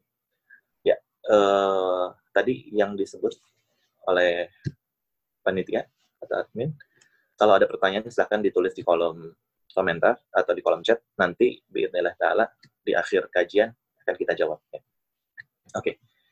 Nah, itu yang jadi motivasi Imam Nawawi. Dan ini lihat, luar biasa. Imam Nawawi ini kita berhusnuzon kepada Allah. Ikhlas banget. Dari zaman dulu sampai sekarang. Banyak banget para ulama nulis kitab Arba'in 40 hadis dalam masalah ha, anu, 40 hadis dalam masalah ini, masalah ini, masalah ini, macam-macam. Ya, banyak banget kitab-kitab hadis yang tersebar ini banyak. Tapi kenapa sih Arba'in Nawawi yang terkenal seantero dunia? Terkenal di mana-mana sampai zaman ini. Ya. yang mana Imam Nawawi rahimahullah taala selesai menulis kitab ini ini kitab Arba'in ini di tahun 668 Hijriah. 668 Hijriah. Sekarang tahun berapa? 1441. Berarti berapa tuh? 1441 dikurangi 668. 773 ya, kurang lebih. 773 tahun yang lalu. Tapi kitab ini sampai detik ini terus dikaji di seluruh dunia. Luar biasa. Pahala jariah MLM punya Imam Nawawi ini seberapa banyak? Seberapa banyak, seberapa besar? Ini menunjukkan kata para ulama keikhlasan beliau. Imam Malik rahimahullah ta'ala punya kitab Muwatta, ya, Muwatta Imam Malik. Pas beliau mau nulis kitab Muwatta, banyak orang bilang, wahai Malik, ngapain nulis kitab Muwatta? Udah banyak Muwatta, Muwatta itu. Ya. Udah banyak orang-orang nulis kitab semodel sama Muwatta ini. Kemudian Imam Malik mengatakan apa? Perkataan yang simpel tapi sangat mengena. Beliau mengatakan, maka nalillahi atqa. Segala sesuatu yang diniatkan untuk Allah maka akan kekal. Dan benar, sampai detik ini, ya, yang dikenal kitab Muwatta hanya Muwatta Imam Malik. Padahal kitab semodel Muwatta ini itu ada puluhan. Banyak ulama yang menulis kitab model dengan seperti Imam Malik. Begitu juga dengan Arba'in. Ya, banyak ulama yang menulis tentang 40 hadis, kumpulan 40 hadis dalam ini, dalam ini, dalam itu. Tapi yang dikenal Imam Nawawi. Ini pentingnya keikhlasan. Maka sekali lagi saya tekankan untuk diri saya pribadi dan kita semua, yuk kita sama-sama ikhlaskan niat kita sekarang dalam talabul ilmi agar Allah Subhanahu wa taala memberikan keberkahan kepada kehidupan kita dan jadikan ketika kita ikhlas dalam menuntut ilmu, ikhlas juga dalam berdakwah, kita udah meninggal, terus pahalanya akan ngalir kepada kepada kita walaupun kita sudah sudah wafat. Ya, saya sering katakan kalau misalkan di antara kita yang udah punya anak, jangan sampai ridho anak kita itu hafal Al-Fatihah dari guru TK-nya atau dari orang lain. Jangan. Harus minimalnya minimalnya Al-Fatihah harus kita yang ngajarin langsung. Jangan dari orang lain. Kenapa? Sehari minimal dia bakal baca Al-Fatihah 17 kali dalam sholat fardu. Gimana kalau dia sholat sunnah, sholat tahajud, qobliyah, ba'diyah, duha, dan sunnah-sunnah lainnya. Kita udah meninggal tanpa anak itu mengkhususkan, anak kita mengkhususkan bacaan Al-Fatihah untuk kita, otomatis dia baca Al-Fatihah, pahalanya langsung nyampe ke kita. Kenapa? Kita yang ngajarin. Gimana kalau kita ngajarin anak surat-surat pendeknya, bacaan-bacaan lainnya, Makanya penting banget kita untuk uh, mengembangkan pahala MLM ini, ya. terutama untuk anak-anak kita, keluarga terdekat kita. Jangan sampai anak kita ngafal Al-Fatihah dari guru TK-nya. Pahalanya untuk siapa? Setiap dia baca Al-Fatihah untuk guru TK-nya. Harusnya kita lebih lebih utama ya sebagai sebagai orang tua. Nah, kita akan masuk ke pembahasan hadis. Baik, siapa di sini yang mau baca? Bebas. Ya, Boleh? kata ya silakan. Foto. Hmm. Bacaan uh, pertama. Perkenalkan dulu nama dan domisili. Barakallahu uh, Assalamualaikum Ustadz. Uh, perkenalkan uh, nama saya Rakan Abian Kurnia uh, asal dari Kisan. Oke, okay. masya Allah. Barakallahu Fadal. Barakallah. Um, hadis nomor hadis Hadis pertama. Amalan tergantung niat. An Amiril Mukminin Abi Abi Hafs Umar Umar bin Khattab radhiyallahu anhu qala Sami'tu Rasulullah sallallahu alaihi wasallam yaqulu Sebentar, maaf, diulang. Sami'tu Sami'tu Rasulullah sallallahu alaihi wasallam yaqulu atau Rasulullah Rasulullah. Sami itu Rasulullah atau Rasulullah? Rasulullah. Sami itu Rasulullah sallallahu. Rasulullah ya. Oke. Okay. So. Udah lagi. Sami itu Rasulullah sallallahu alaihi wasallam yaqul. Innamal a'malu binniyati wa innamal likulli imri'in minhum nawa. Kanat hijratuhu ila Allah wa rasulah fa hijratuhu ila Faman kanat Faman kanat hijratuhu ilallahi wa rasulahu Wa rasulihi. wa, wa rasulihi ya. Afwan, ada yang Iya. salah. Apa-apa. Rasul rasulihi fa hijratuhu ilallahi wa rasulihi. Wa man kanat hijratuhu lidunya yusibuha au imraati yankihuha fa hijratuhu ila ma hajarati ila ma hajaro ilaihi. Ya. Dari Seterusnya. Amirul Mukminin eh yang roh oke. Rawahunya coba dibaca. Rawahunya dibaca. Oke.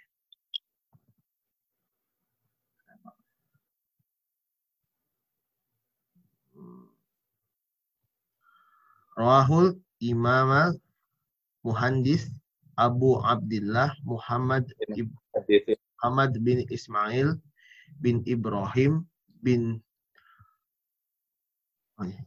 Mughirah Mughirah bin bin Mughirah bin ba, bin Bardizbah Bukhari wa Abu Husain Muslim bin Had, bin Hajjaji na Muslim. Ibn Muslim, oke. Kushairi Kushairi Kushairi an an an an naisa an naisaburi.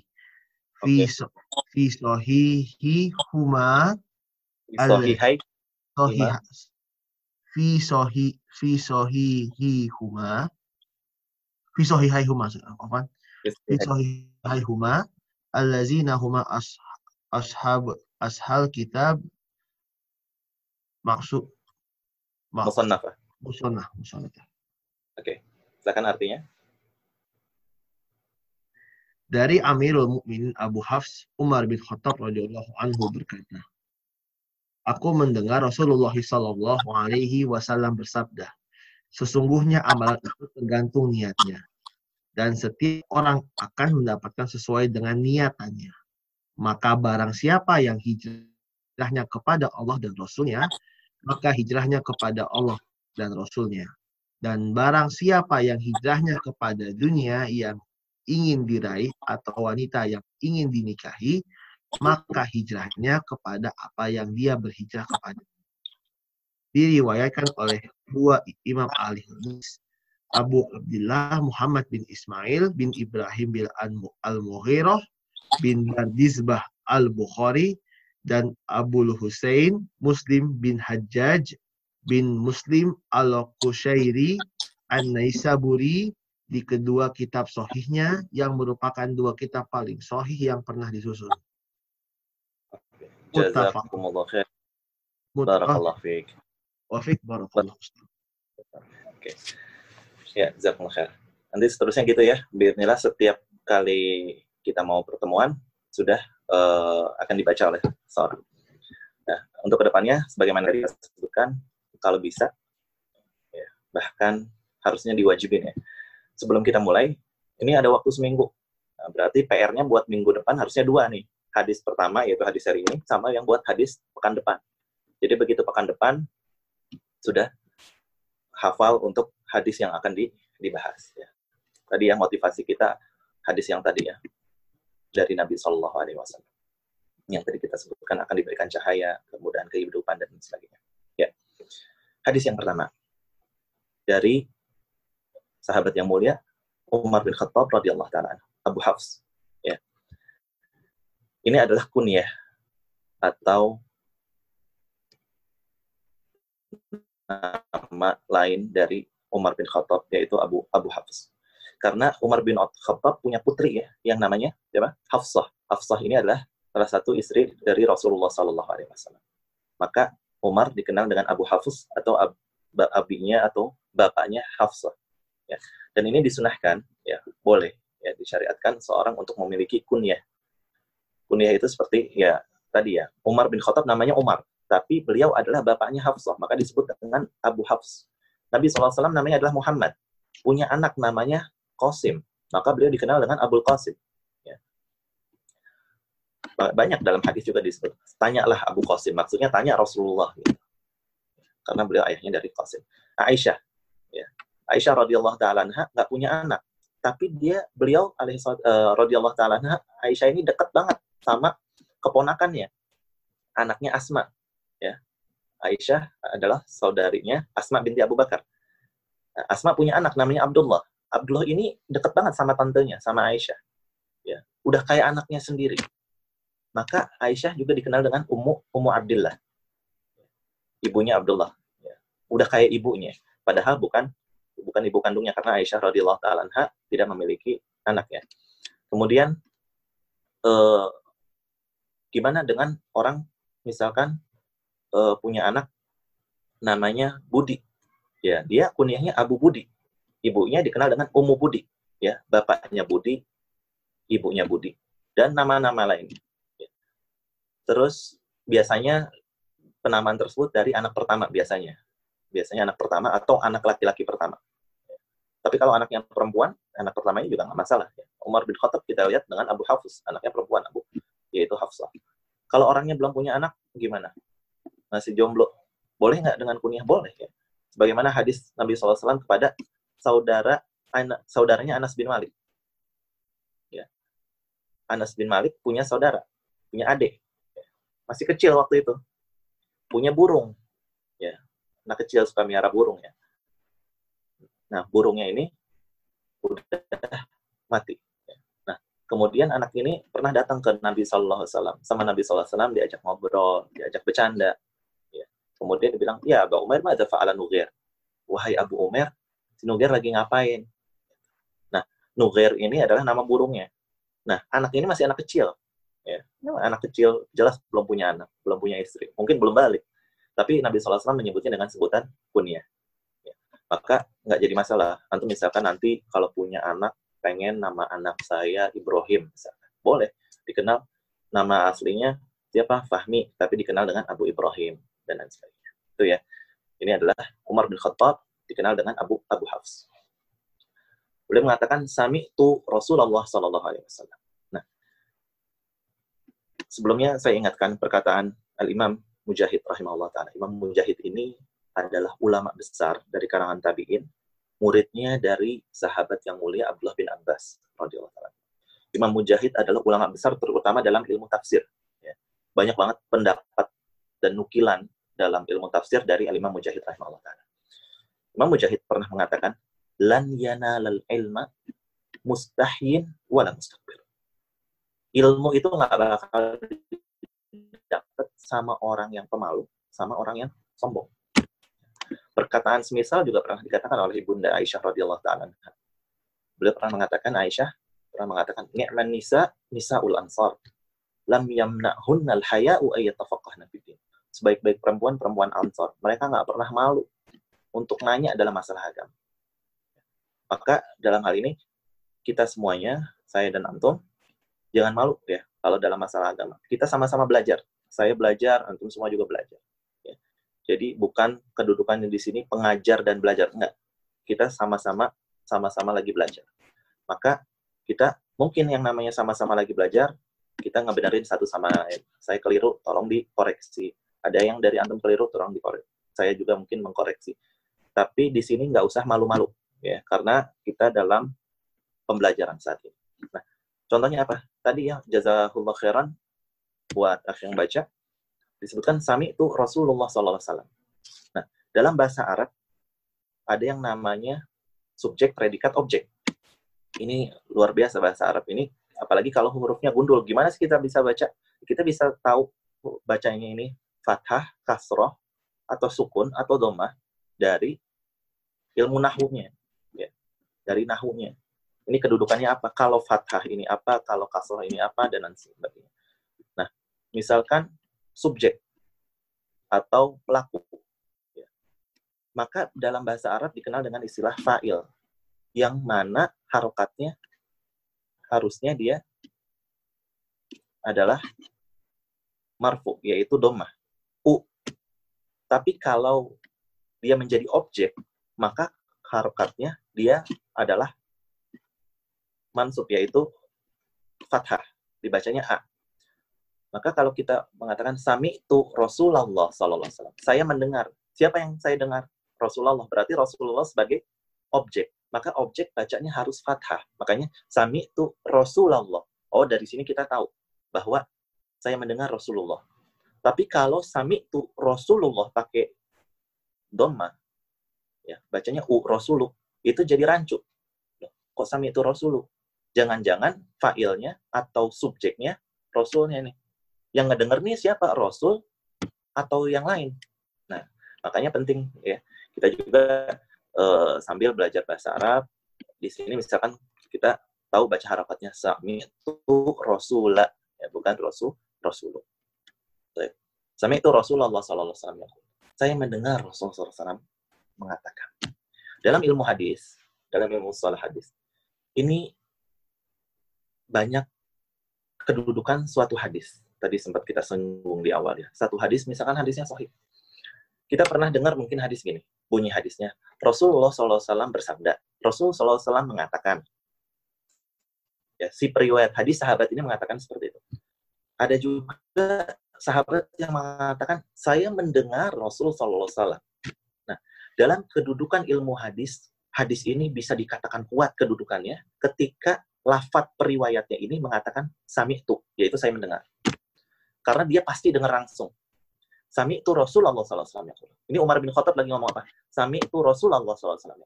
Saya nggak dengar Rasul SAW. Berarti apa? Umar bin Khattab mendengar langsung dengan telinganya beliau dari lisannya baginda Nabi SAW. Nah, contoh. Sahabat Abu Hurairah radhiyallahu anhu. Abu Hurairah luar biasa. Sahabat yang paling banyak meriwayatkan hadis nomor satu nggak ada sahabat yang paling banyak meriwayatkan hadis melebihi Abu Hurairah. Ada tujuh orang sahabat yang dikenal sebagai al-mukthirun fi riwayatil hadis, yang paling banyak meriwayatkan hadis. Ada tujuh orang. Ya, kenapa dibatasi hanya tujuh? Sebenarnya sahabat banyak ya yang meriwayatkan hadis banyak banget. Sahabat yang hadir dalam haji wada ada berapa? 100 ribu orang. Ya, sahabat banyak jumlahnya. Nah, tapi dikenal yang paling banyak meriwayatkan hadis hanya tujuh. Maksudnya tujuh ini, ketujuh orang ini mereka meriwayatkan hadis masing-masing lebih dari seribu jumlahnya. Tapi kalau misalkan sahabat ini meriwayatkan hadis sekitar 900, 950, ini nggak masuk ke dalam tujuh ini. Ya. Tujuh ini dikenal banyak karena lebih dari seribu. Di antaranya Aisyah radhiyallahu taala anha, di antaranya adalah Abu Hurairah. Abu Hurairah ya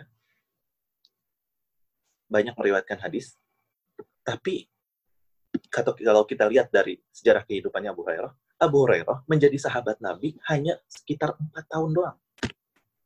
Empat tahun, tapi bisa ribuan hadis. Sedangkan Abu Bakar menjadi sahabat Nabi SAW selama 23 tahun. Lebih bahkan ya.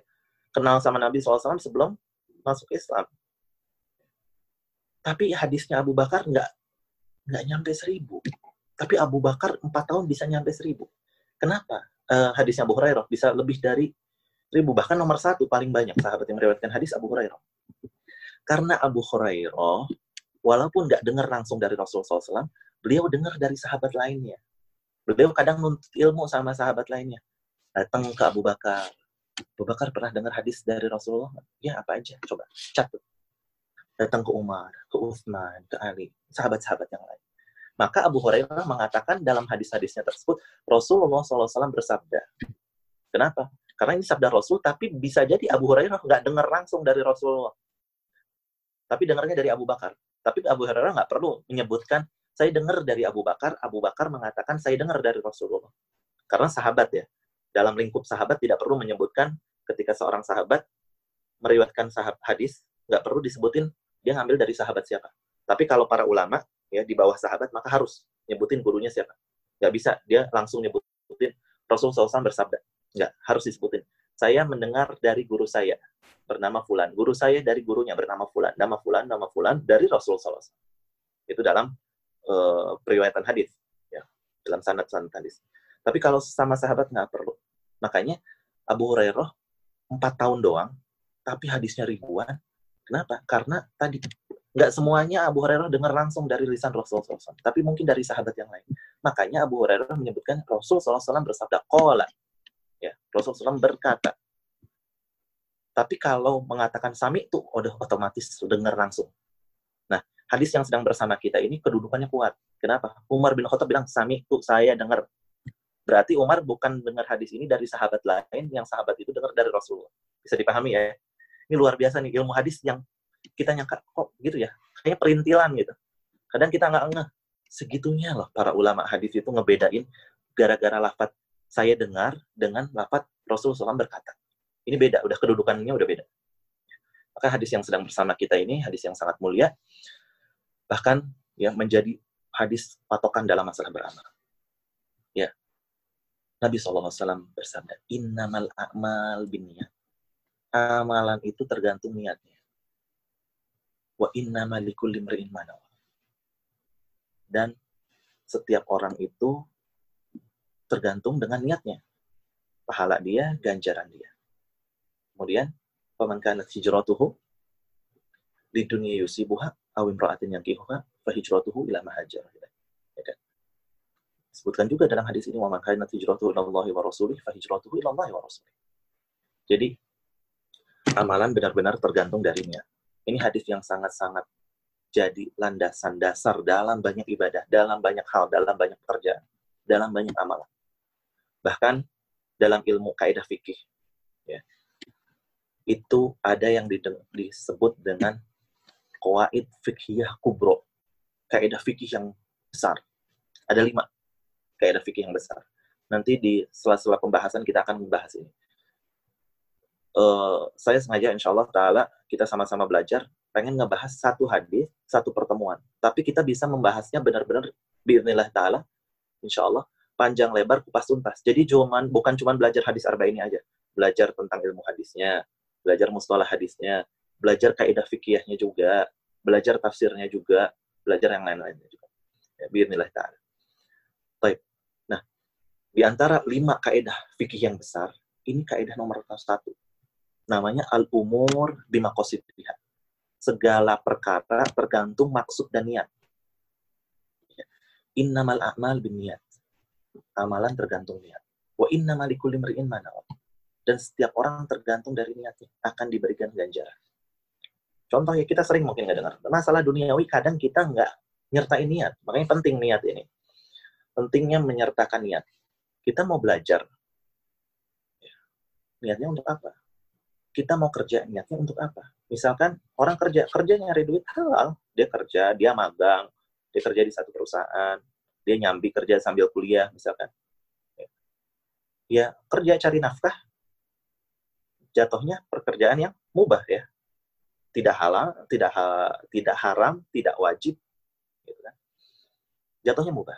Tapi dia niat, ya Allah saya mau sambil kerja nih, niat saya buat nafkahin keluarga. Kemudian mau tidur, tidurnya tidur aja mubah gitu ya. Apalagi sekarang lagi lockdown gini, jadi kaum rebahan benar-benar tidur misalkan. Sering tidur, tidur rebahan, rebahan.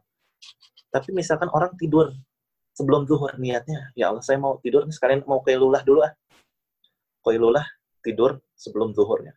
Beberapa saat sebelum zuhur. Ini sunnah. Dianjurkan oleh Nabi SAW. Niatnya, niat koilulah. Maka jadi pahala. Tidurnya bisa jadi pahala. Dia malam tidur. Tidur ah sekarang. Niatnya apa? Biar nanti malam mau sholat tahajud seger. Maka dia dapat pahala. Walaupun tahajudnya bablas. Sampai azan subuh baru bangun. Kenapa? Udah ada niat. Niat nanti malam mau tahajud. Niat tidurnya ini sebagai istirahat untuk badan, biar malamnya fresh untuk melakukan ibadah. Ini suatu perkara-perkara yang mubah, tapi bisa jadi pahala. Insya Allah sampai jam 9 seperempat uh, waktu Saudi, berarti 8 seperempat ya waktu Jerman ya, 2 jam bismillah ta'ala. Insya Allah ta'ala. Ya, barakallahu uh, itu ya. Jadi intinya pentingnya menyertakan niat dalam masalah ibadah ataupun dalam masalah hal-hal yang lainnya yang berkaitan dengan perkara-perkara duniawi.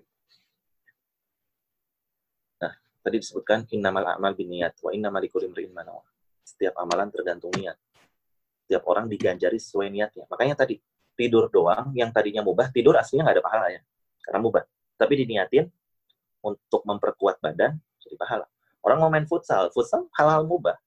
Mau main futsal, main futsal aja. Mau berenang ya berenang aja Tapi dia niat, saya main futsal biar badan seger, kalau badan sehat, saya ibadah juga jadi enak. Maka main futsalnya bisa jadi pahala. Kemudian mau berenang. Berenang, saya pengen jadi sehat, saya pengen jadi muslim yang kuat. Ya, berenang ini bisa jadi pahala. Tapi kalau tanpa menyertakan niat, ya udah mubah-mubah aja. Nggak ada pahalanya, ya nggak ada dosanya. Main futsalnya, berenangnya, dan sebagainya. Maka pentingnya menyertakan niat. Kemudian, tadi disebutkan ya, al-umur bima Di antara kaidah fikih yang besar adalah kaidah yang pertama al-umur bima Setiap perkara tergantung maksud.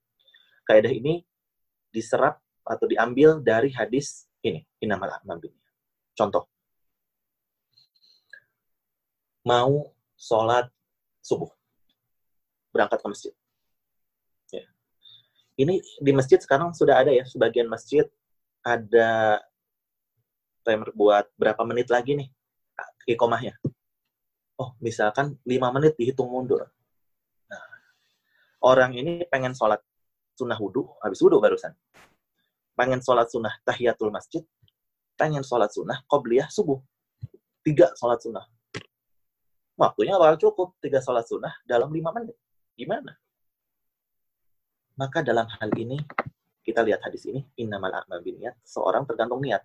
Boleh nggak sih menggabungkan beberapa niat dalam satu amalan? Jawabannya boleh. Kalau amalannya sama-sama sunnah. Ya, ini kaidah penting juga ya. Kalau sama-sama wajib, nggak boleh. Wajib dengan sunnah, nggak boleh. Sunnah dengan sunnah, boleh digabung. Contoh, wajib dengan wajib. Ada akhwat, dia punya utang puasa Ramadan. Pengen bayar ya, di bulan lain. Kemudian dia juga pernah punya nazar. Saya kalau lulus ujian saya mau puasa. Maka jadi wajib. Ini dua-duanya wajib. Yang satu puasa kodok Ramadan wajib, yang satu lagi puasa nazar wajib.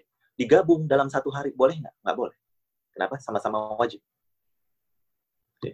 Kemudian wajib dengan sunnah. Bulan puasa, Ramadan, pasti ketemu hari Senin, pasti ketemu hari Kamis. Pas puasa Ramadan, di hari Senin, dia niatnya saya pengen puasa Ramadan, sekalian puasa Senin Kamis. Maka nggak boleh. Kenapa? Yang satu wajib, yang satu sunnah. Nggak bisa. Tapi kalau sunnah sama sunnah boleh. Contoh, antum mau puasa Ashura, puasa hari Arafah, bertepatan dengan hari Senin. Maka boleh niatnya double. Niat Senin Kamis plus niat puasa Arafah. Niat Senin Kamis plus niat puasa Ashura. Puasa Ashura atau Arafahnya, uh, kemudian misalkan Senin atau Kamisnya uh, bertepatan dengan tanggal 13, 14, 15 di bulan Hijriah. Niatnya double, pengen puasa Ayamul Bid, sekalian puasa Senin Kamis. Boleh. Kenapa? Sama-sama sunnah. Begitu juga dengan sholat. Sholatnya dua rakaat, niatnya tiga. Boleh nggak? Boleh. Kenapa? Sama-sama sunnah. Tahiyatul masjid, sholat sunnah wudhu, qobliyah subuh. Tiga niat dalam dua rakaat, pahalanya tiga sholat. Ya memang yang bagus sholatnya masing-masing, tapi sekarang kan waktunya udah gak cukup. Maka boleh. Tapi kalau antum niatnya qobliyah subuh aja, maka pahalanya qobliyah subuh aja. Tahiyatul masjid aja ya pahalanya tahiyatul masjid aja. Sunnah wudhu ya pahalanya sunnah wudhu aja. Tapi kalau antum niatnya tiga, kemudian sholatnya dua rakaat, maka dapat pahala tadi tiga-tiganya. Nah, ini penting banget menyertakan niat. Dan niat adalah hampir semua rukun ibadah. Salah satunya adalah niat kecuali ada perbedaan sedikit dalam beberapa madhab, contoh dalam masalah tayamum, masalah wudhu, harus niat apa enggak dalam madhab Hanafi ini ada yang mengatakan tidak harus tidak harus niat. Tapi Allah alam pendapat yang kuat adalah jelas dalam semua ibadah niat ini termasuk rukun. Ya. Maka penting banget menyertakan niat. Tadi ya kita sebutin malam nanti saya mau tahajud. Udah niat, eh ketiduran. Dapat pahala nggak? Dapat pahala tahajud. Kenapa? Karena udah niat ini kalau niat amal baik ini luar biasanya bagaimana sayang dan cintanya Allah sama kita. Kalau niatnya niat baik, belum mengerjakan, udah dapat pahala. Tapi kalau niat buruk, tidak dicatat dosanya sampai benar-benar dikerjain. Misalkan niat, ya waliyatubillah, diamanahin jadi bendahara. Niat, ini kayaknya bisa lah, sedikit-sedikit sih. Beberapa euro bisa lah diambil udah niat jelek. Belum dilakukan, belum dapat dosa. Begitu dilakukan, baru dapat dosa. Walaupun sudah niat. Ini di antara kasih sayang Allah Subhanahu wa taala terhadap hamba-hambanya. Kemudian dalam masalah niat yang kaitannya dengan kaidah fikih. Ada kaidah yang menyebutkan al-ibrah bil maqasid wal ma'ani. La bil alfaz wal mabani. Yang jadi ibroh atau patokan itu adalah maksud dan niatnya, bukan lafat pengucapannya. Contohnya apa? Ada orang bilang ke antum, nih, saya punya jam, saya mau ngasih buat antum. Tapi bayar ya 100 ribu. Nah, pengucapannya dia adalah, nih saya mau ngasih hadiah, tapi dia bilang bayar 100 ribu. Ini masuknya hadiah atau jual beli? Jual beli. Kenapa? Niatnya dia memang buat jual. Pengataan dia, pengucapan dia, yaitu adalah hadiah, itu nggak dianggap. Kecuali dia cuma bilang, ini hadiah buat kamu. Ya udah, maka zohirnya, ya, yang nampak itu hadiah. Tapi kalau dia ini hadiah, tapi kasih saya 100 ribu. Walaupun lafadznya hadiah, maka yang jadi patokan adalah niatnya. Niatnya dia jual beli. Yang namanya hadiah ya nggak ada timbal balik dong. Ini dia minta mau ngasih tapi minta duit. Berarti bukan ngasih. Berarti dia niatnya apa? Jual beli. Nah, ini pun masuk dalam kaidah banyak ya dalam masalah uh, fikih muamalat, dalam masalah jual beli, dalam masalah akad, kemudian dalam masalah bab-bab lainnya. Masalah niat ini masuk ke semua bab. Masalah bab jual beli, masalah bab pernikahan, masalah bab uh, apa namanya peradilan di pengadilan. Kalau dalam peradilan sang hakim nanya kepada terdakwa, yang dimaksud adalah niat si hakim, bukan niat terdakwa. Misalkan, coba kamu bilang kamu nggak mencuri, tapi sumpah demi Allah, demi Allah saya nggak nyuri. Walaupun dia pengucapannya ini, ya si terdakwa ini yang dia di, dimaksud dari si hakim adalah demi Allah dalam kasus ini kamu nggak mencuri. Nggak boleh dia dengan niat niatnya dia bisa nggak dianggap si terdakwa ini kalau dia bilang demi Allah saya nggak nyuri nggak nyuri uang yang B tapi saya nyuri yang yang sedang diperkarakan banyak intinya masalah niat ini masuk ke semua bab. Ke semua bab jelas tergantung dari dari niat tapi ada beberapa hal yang jadi pengecualian ya contoh yang jadi pengecualian dalam masalah niat. Ini perkataan Imam Syafi'i juga, rahimahullah ta'ala. Yaitu ketika beliau mengatakan, Manis jala syai'an qabla awani, uqiba hermani. Barang siapa dia tergesa-gesa sebelum waktunya, maka dia diharamkan dari hal tersebut. Contoh, seorang anak kalau ayahnya meninggal, dia dapat warisan nggak? Dapat deh. Seorang anak, kalau ayahnya meninggal, dia dapat warisan. Naudzubillah, anak ini ngebunuh bapaknya. Niatnya apa? Tujuannya apa? Biar cepat-cepat dapat warisan. Maka kaidah ini nggak berlaku, kaidah niat di sini. Niatnya dia nggak dianggap. Ya dia ngebunuh bapaknya biar dapat warisan. Maka ketika misalkan bapaknya meninggal, harta warisnya dibagi, si anak ini nggak boleh dapat warisan. Karena tadi kaidahnya. Barang siapa terburu-buru terhadap suatu hal, maka dia harus diharamkan dari hal tersebut. Kalau terburu-burunya sebelum pada waktunya. Contohnya, dia pengen sholat zuhur jam 11. Belum adzan. Dianggap nggak sholat zuhurnya? Nggak dianggap. Kenapa? Waktunya belum tiba. Gitu ya.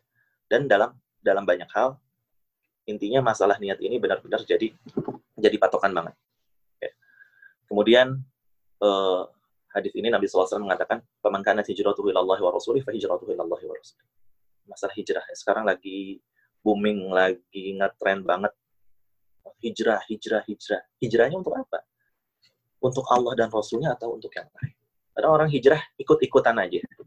Orang hijrah tujuannya karena lagi pengen cari jodoh, biar dikelihatan, Masya Allah, alim, Masya Allah, rajin ke masjid, Masya Allah, rajin kajian. Niatnya untuk apa? untuk Allah dan Rasulnya atau untuk hal duniawi yang lain. Makanya dalam hadis ini benar-benar Nabi SAW bicara tentang realita. Pemakanya hijratuhu ilallah wa rasulih, hijratuhu ilallah wa rasulih. Barang siapa hijrahnya untuk Allah dan Rasulnya, maka hijrahnya untuk Allah dan Rasul.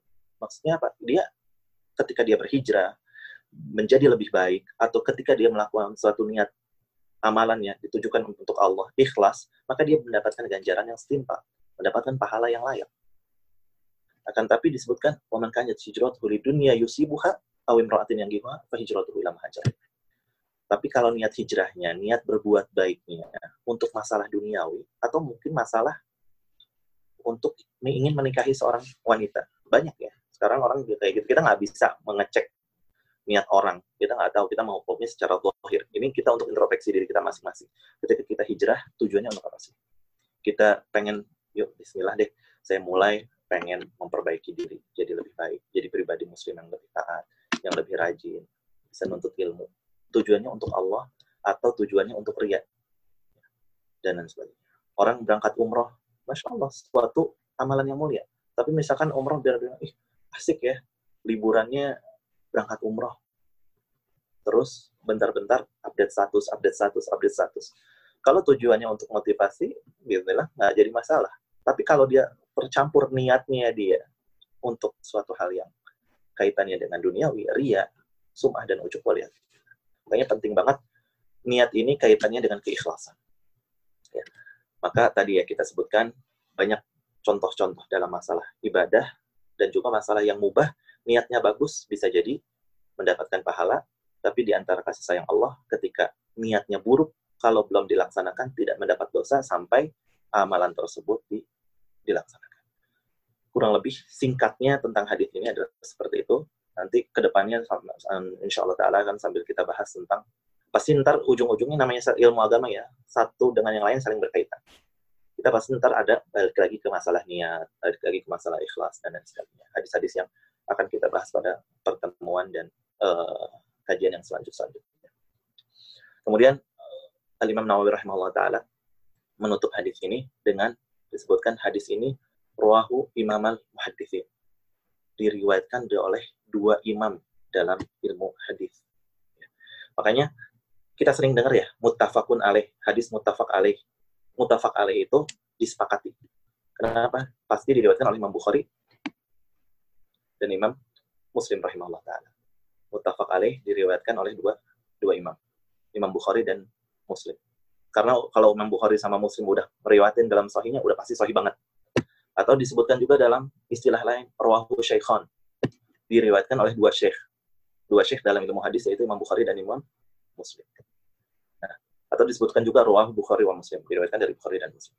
Hadis ini, riwayat Imam Bukhari dan Imam Muslim. Muhammad ibn Ismail al-Bukhari, ya, dari daerah Bukhara, Uzbekistan sana. Kemudian juga Imam Muslim Ibn Hajat eh, Al-Kushairi al Naisaburi dari daerah Naisabur, daerah Uzbek, Kazakhstan dan sekitarnya juga. Jadi luar biasa imam hadis ya keenam imam Abu uh, Abdullah Imam Bukhari, Imam Muslim, Abu Daud, Tirmizi, Nasai, Ibnu Majah. Ya. Itu dari kalangan orang-orang non-Arab. Pengecualian Imam uh, Abu Daud kalau nggak salah atau Imam Tirmidzi yang punya nasab orang Arab. Sisanya orang ajang, ya kayak kita kita ini non Arab. Makanya kemuliaan ilmu agama ini nggak harus dari orang Arab. Ya mereka bahasa aslinya bukan bahasa Arab, tapi mereka mau belajar bahkan jadi imam, bahkan benar-benar imamnya dan murid-muridnya adalah orang Arab asli. Mereka-mereka yang menjadi imam dalam ilmu ilmu hadis. Ya.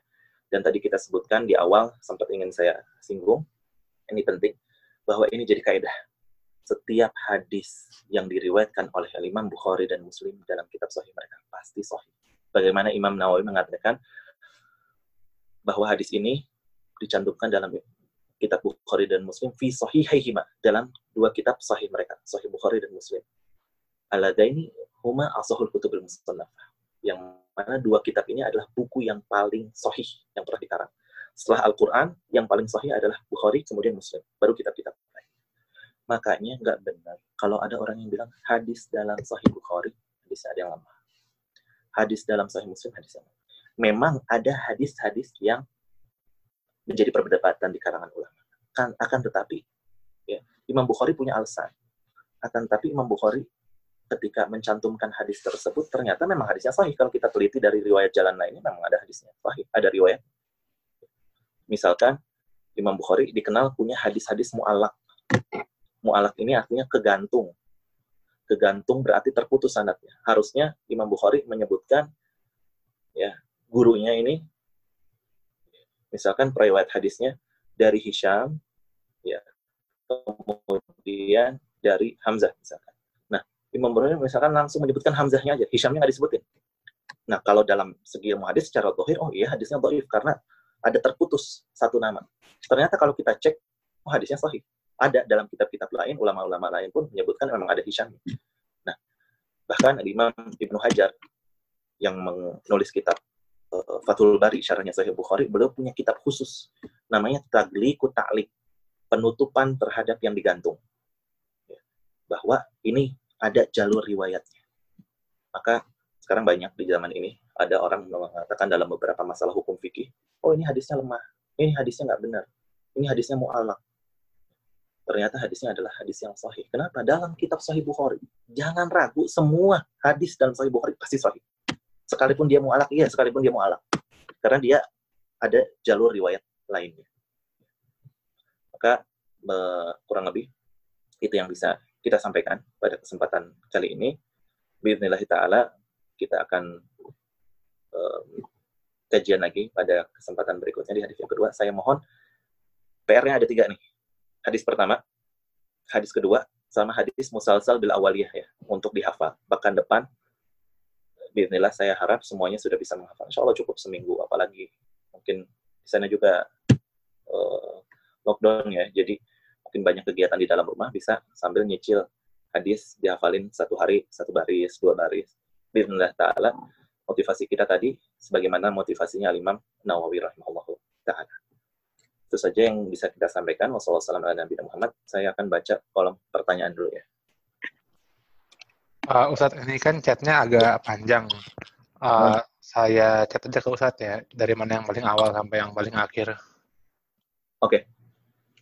Karena dari awal awal kajian udah udah lumayan ketumpuk pertanyaannya. Okay, yang pertama, ini apa private kau usah chatnya? Oke. Okay. Private ya. Uh, belum saya cek. Tapi urutannya dari atas ya? Iya, dari yang saya chat aja itu saya kumpulin dari awal kajian sampai terakhir yang dibacain apa yang dikirim dari awal kajian dulu. sambil saya baca. Sebentar saya sambil.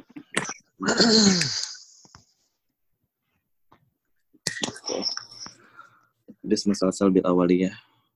Oke, yang ini ya, kalau dulu di tanah air bermadhab syafi'i karena pindah ke luar negeri, sekarang ikut madhab Abu Hanifah karena banyak orang Pakistan di sini. Apa itu diperbolehkan? Itu ya? Oh, atau kitab tafsir buat pemula. Uh, antara Imam Muslim dan Imam Bukhari apa syarat-syarat kesohihan kedua imam ini atau sama apa bedanya? Sebentar, yang mana sih? Jelas doifnya nggak boleh doif banget. Oh ya, Ustadz antara Imam Muslim dan Imam Bukhari, hmm. apa syarat-syarat kesohihan kedua imam ini sama atau beda? Beda. Alhamdulillah, wassalatu wassalamu ala Uh, syarat Imam Muslim sama Imam Bukhari berbeda. Imam Bukhari syaratnya lebih ketat dibandingkan Imam Muslim. Kemudian Imam Muslim urutannya pertama syarat Imam Bukhari dulu, kemudian syarat Imam Muslim. Jadi dalam ilmu hadis kalau yang paling kuat adalah riwayat Bukhari dan Muslim. Kemudian eh, derajat berikutnya riwayat Bukhari. Derajat berikutnya maksudnya tadi ya Bukhari doang. Kemudian riwayat Muslim doang. Kemudian yang lain setelah itu yang berikutnya adalah hadis yang tidak diriwayatkan oleh Imam Bukhari dan tidak diriwayatkan oleh Imam Muslim. Saya sambil baca chat ya, nggak apa-apa ya? uh, nggak saya video Iya. iya. Atau gini deh. Jadi uh, hadis yang diriwayatkan oleh Imam, tidak diriwayatkan oleh Imam Bukhari atau tidak diriwayatkan oleh Imam Muslim, tapi sesuai dengan syarat mereka berdua. Itu hadis urutan kesohihan yang paling bagus tadi ya. Uh, riwayat Bukhari Muslim, kemudian Bukhari doang, Muslim doang, kemudian tidak diriwayatkan mereka berdua, tapi sesuai syarat Bukhari Muslim. Kemudian berikutnya tidak diriwayatkan mereka berdua, dan tidak sesuai dengan syarat mereka berdua, tapi sesuai dengan syarat Imam Bukhari. Riwayat uh, derajat berikutnya tidak diriwayatkan oleh mereka berdua, tidak sesuai dengan syarat mereka berdua, tidak sesuai dengan syarat Imam Bukhari, sesuai dengan syarat Imam Muslim. Baru derajat yang berikutnya adalah imam-imam lain. Jadi beda standar Imam Bukhari sama Imam Muslim. Standar Imam Bukhari lebih ketat. gitu ya. Oke, okay, lanjut pertanyaan uh, berikutnya. Pertanyaan berikutnya ini dari yang apa Mas dari awal-awal juga. Uh, kitab uh -huh. tafsir yang bagus buat pemula apa Ustadz? Tafsir bagus buat pemula saya saranin yang agak mudah ya. Termasuk tafsirnya Syekh As-Sa'di. Tafsir Taisir Kalamir Rahman. Karangannya Syekh As-Sa'di itu ada dalam bahasa Indonesia. Tafsir Jalalain sebenarnya bagus, akan tapi uh, perlu di harus ada yang ada apa namanya tahkiknya, tahkiknya karena nggak semua tadi kita sebutkan ya rahimahullah taala uh, dalam mengumpulkan suatu ilmu Imam Suyuti apa namanya dalam mengumpulkan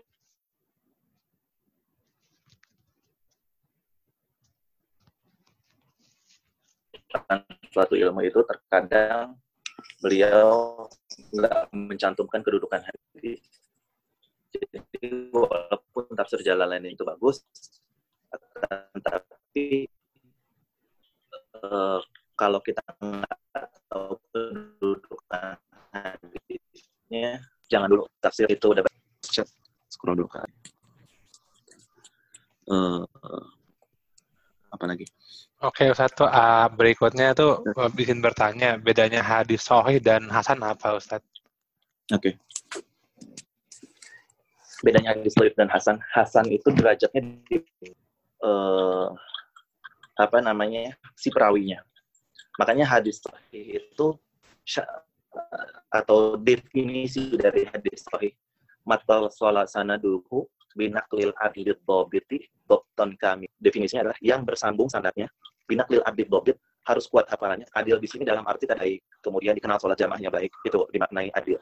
Gak pernah punya masalah uh, dalam arti nggak ada perkara-perkara di pengadilan. Kemudian bobit hafalannya kuat. Kemudian wakhala minasyudud wal illah. Nggak boleh dia syad. Syad itu hadisnya dia menyelisihi hadis lain yang derajatnya lebih kuat si perawi. Ada satu hadis, ya, si perawi ini kalau kita kasih 85, ternyata ada hadis lain yang perawi hadis ini skornya dari segi kedudukan. Keilmuan ya 90. Ini ada standar-standarnya ketika seorang ulama mengatakan skor ini. Karena misalkan apa? Sikoh. Kemudian makbul. Sikoh ini oh dipercaya banget. Sikotun sikoh. Sangat sangat dipercaya. Ada lagi makbul. Ya diterima laba sabihi ya nggak apa-apa deh diterima itu kedudukannya dilihat dari ada standar-standar satu mengatakan halal yang satu mengatakan haram maka yang 90 ini dia mengatakan haram maka yang diambil yang 90 ini nah walaupun dia sama-sama sikoh sama-sama kuat derajat hadisnya si perawinya ya, punya kedudukan yang hadisnya itu mereka bisa diterima, tapi dia menyelisihi orang yang hadisnya di, masuk hadis sahih. Kemudian hadis sahih tadi kholam minasyudud, nggak boleh syad, nggak boleh menyelisihi, dan nggak boleh illah. Illah itu ada penyakit. Penyakit misalkan apa tadi? Si periwayat hadisnya, dia harusnya nyebutin nama gurunya, kemudian nama guru-gurunya lagi. Tapi dia langsung loncat ke kakek guru, nggak nyebutin nama gurunya maka ini penyakit. Nah, ini hadisnya menjadi lemah.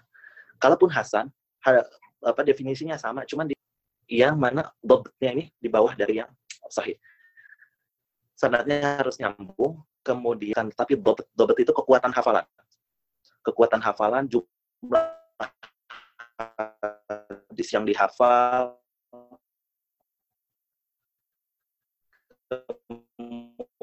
Kemudian dia pernah keliru nggak satu hadis uh, yang pas umurnya 70 tahun dia hafalannya kadang-kadang rancu.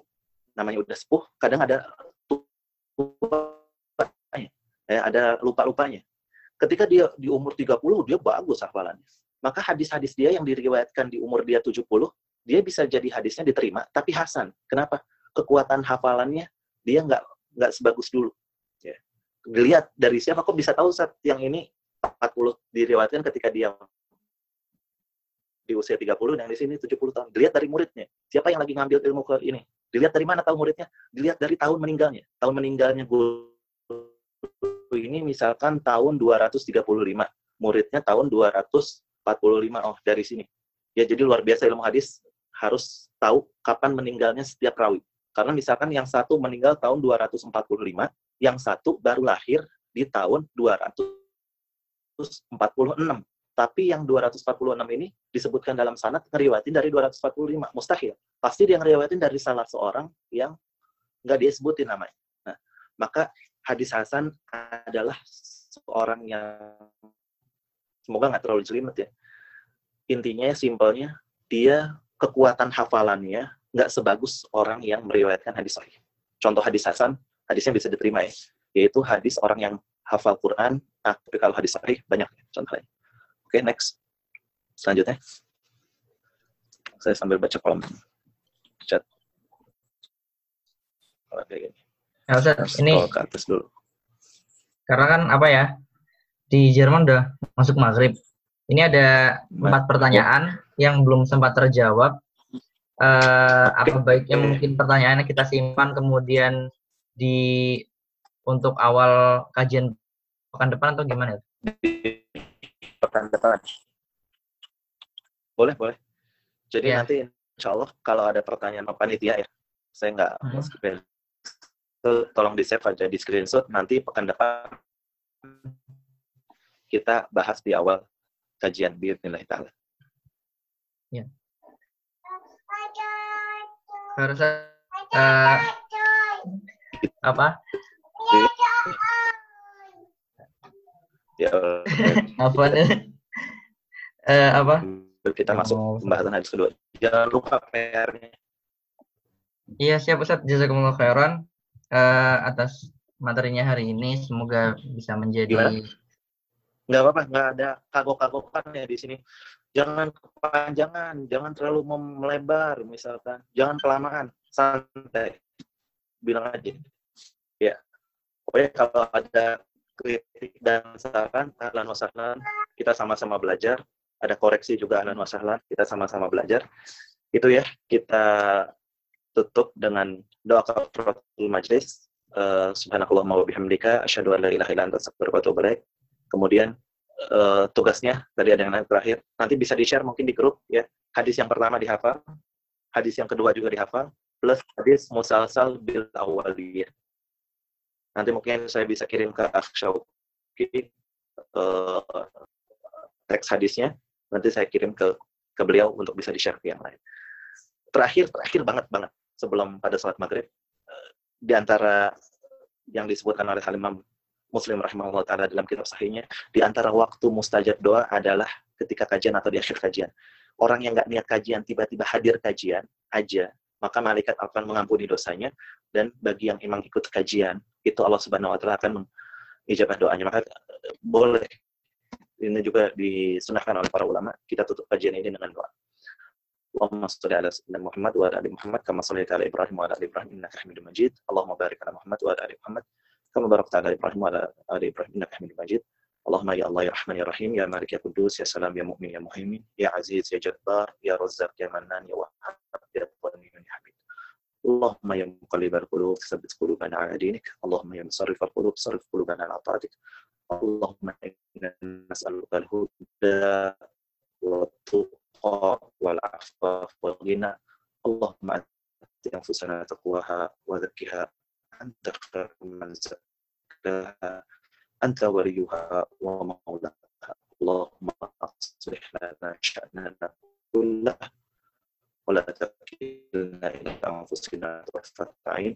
ربنا لا تزغ قلوبنا بعد إذ هديتنا وهب لنا من لدنك رحمة إنك أنت طيبا وعملا وتب علينا إنك أنت عذاب النار بالعزة يا Terima kasih PR-nya yang info PR Allah salam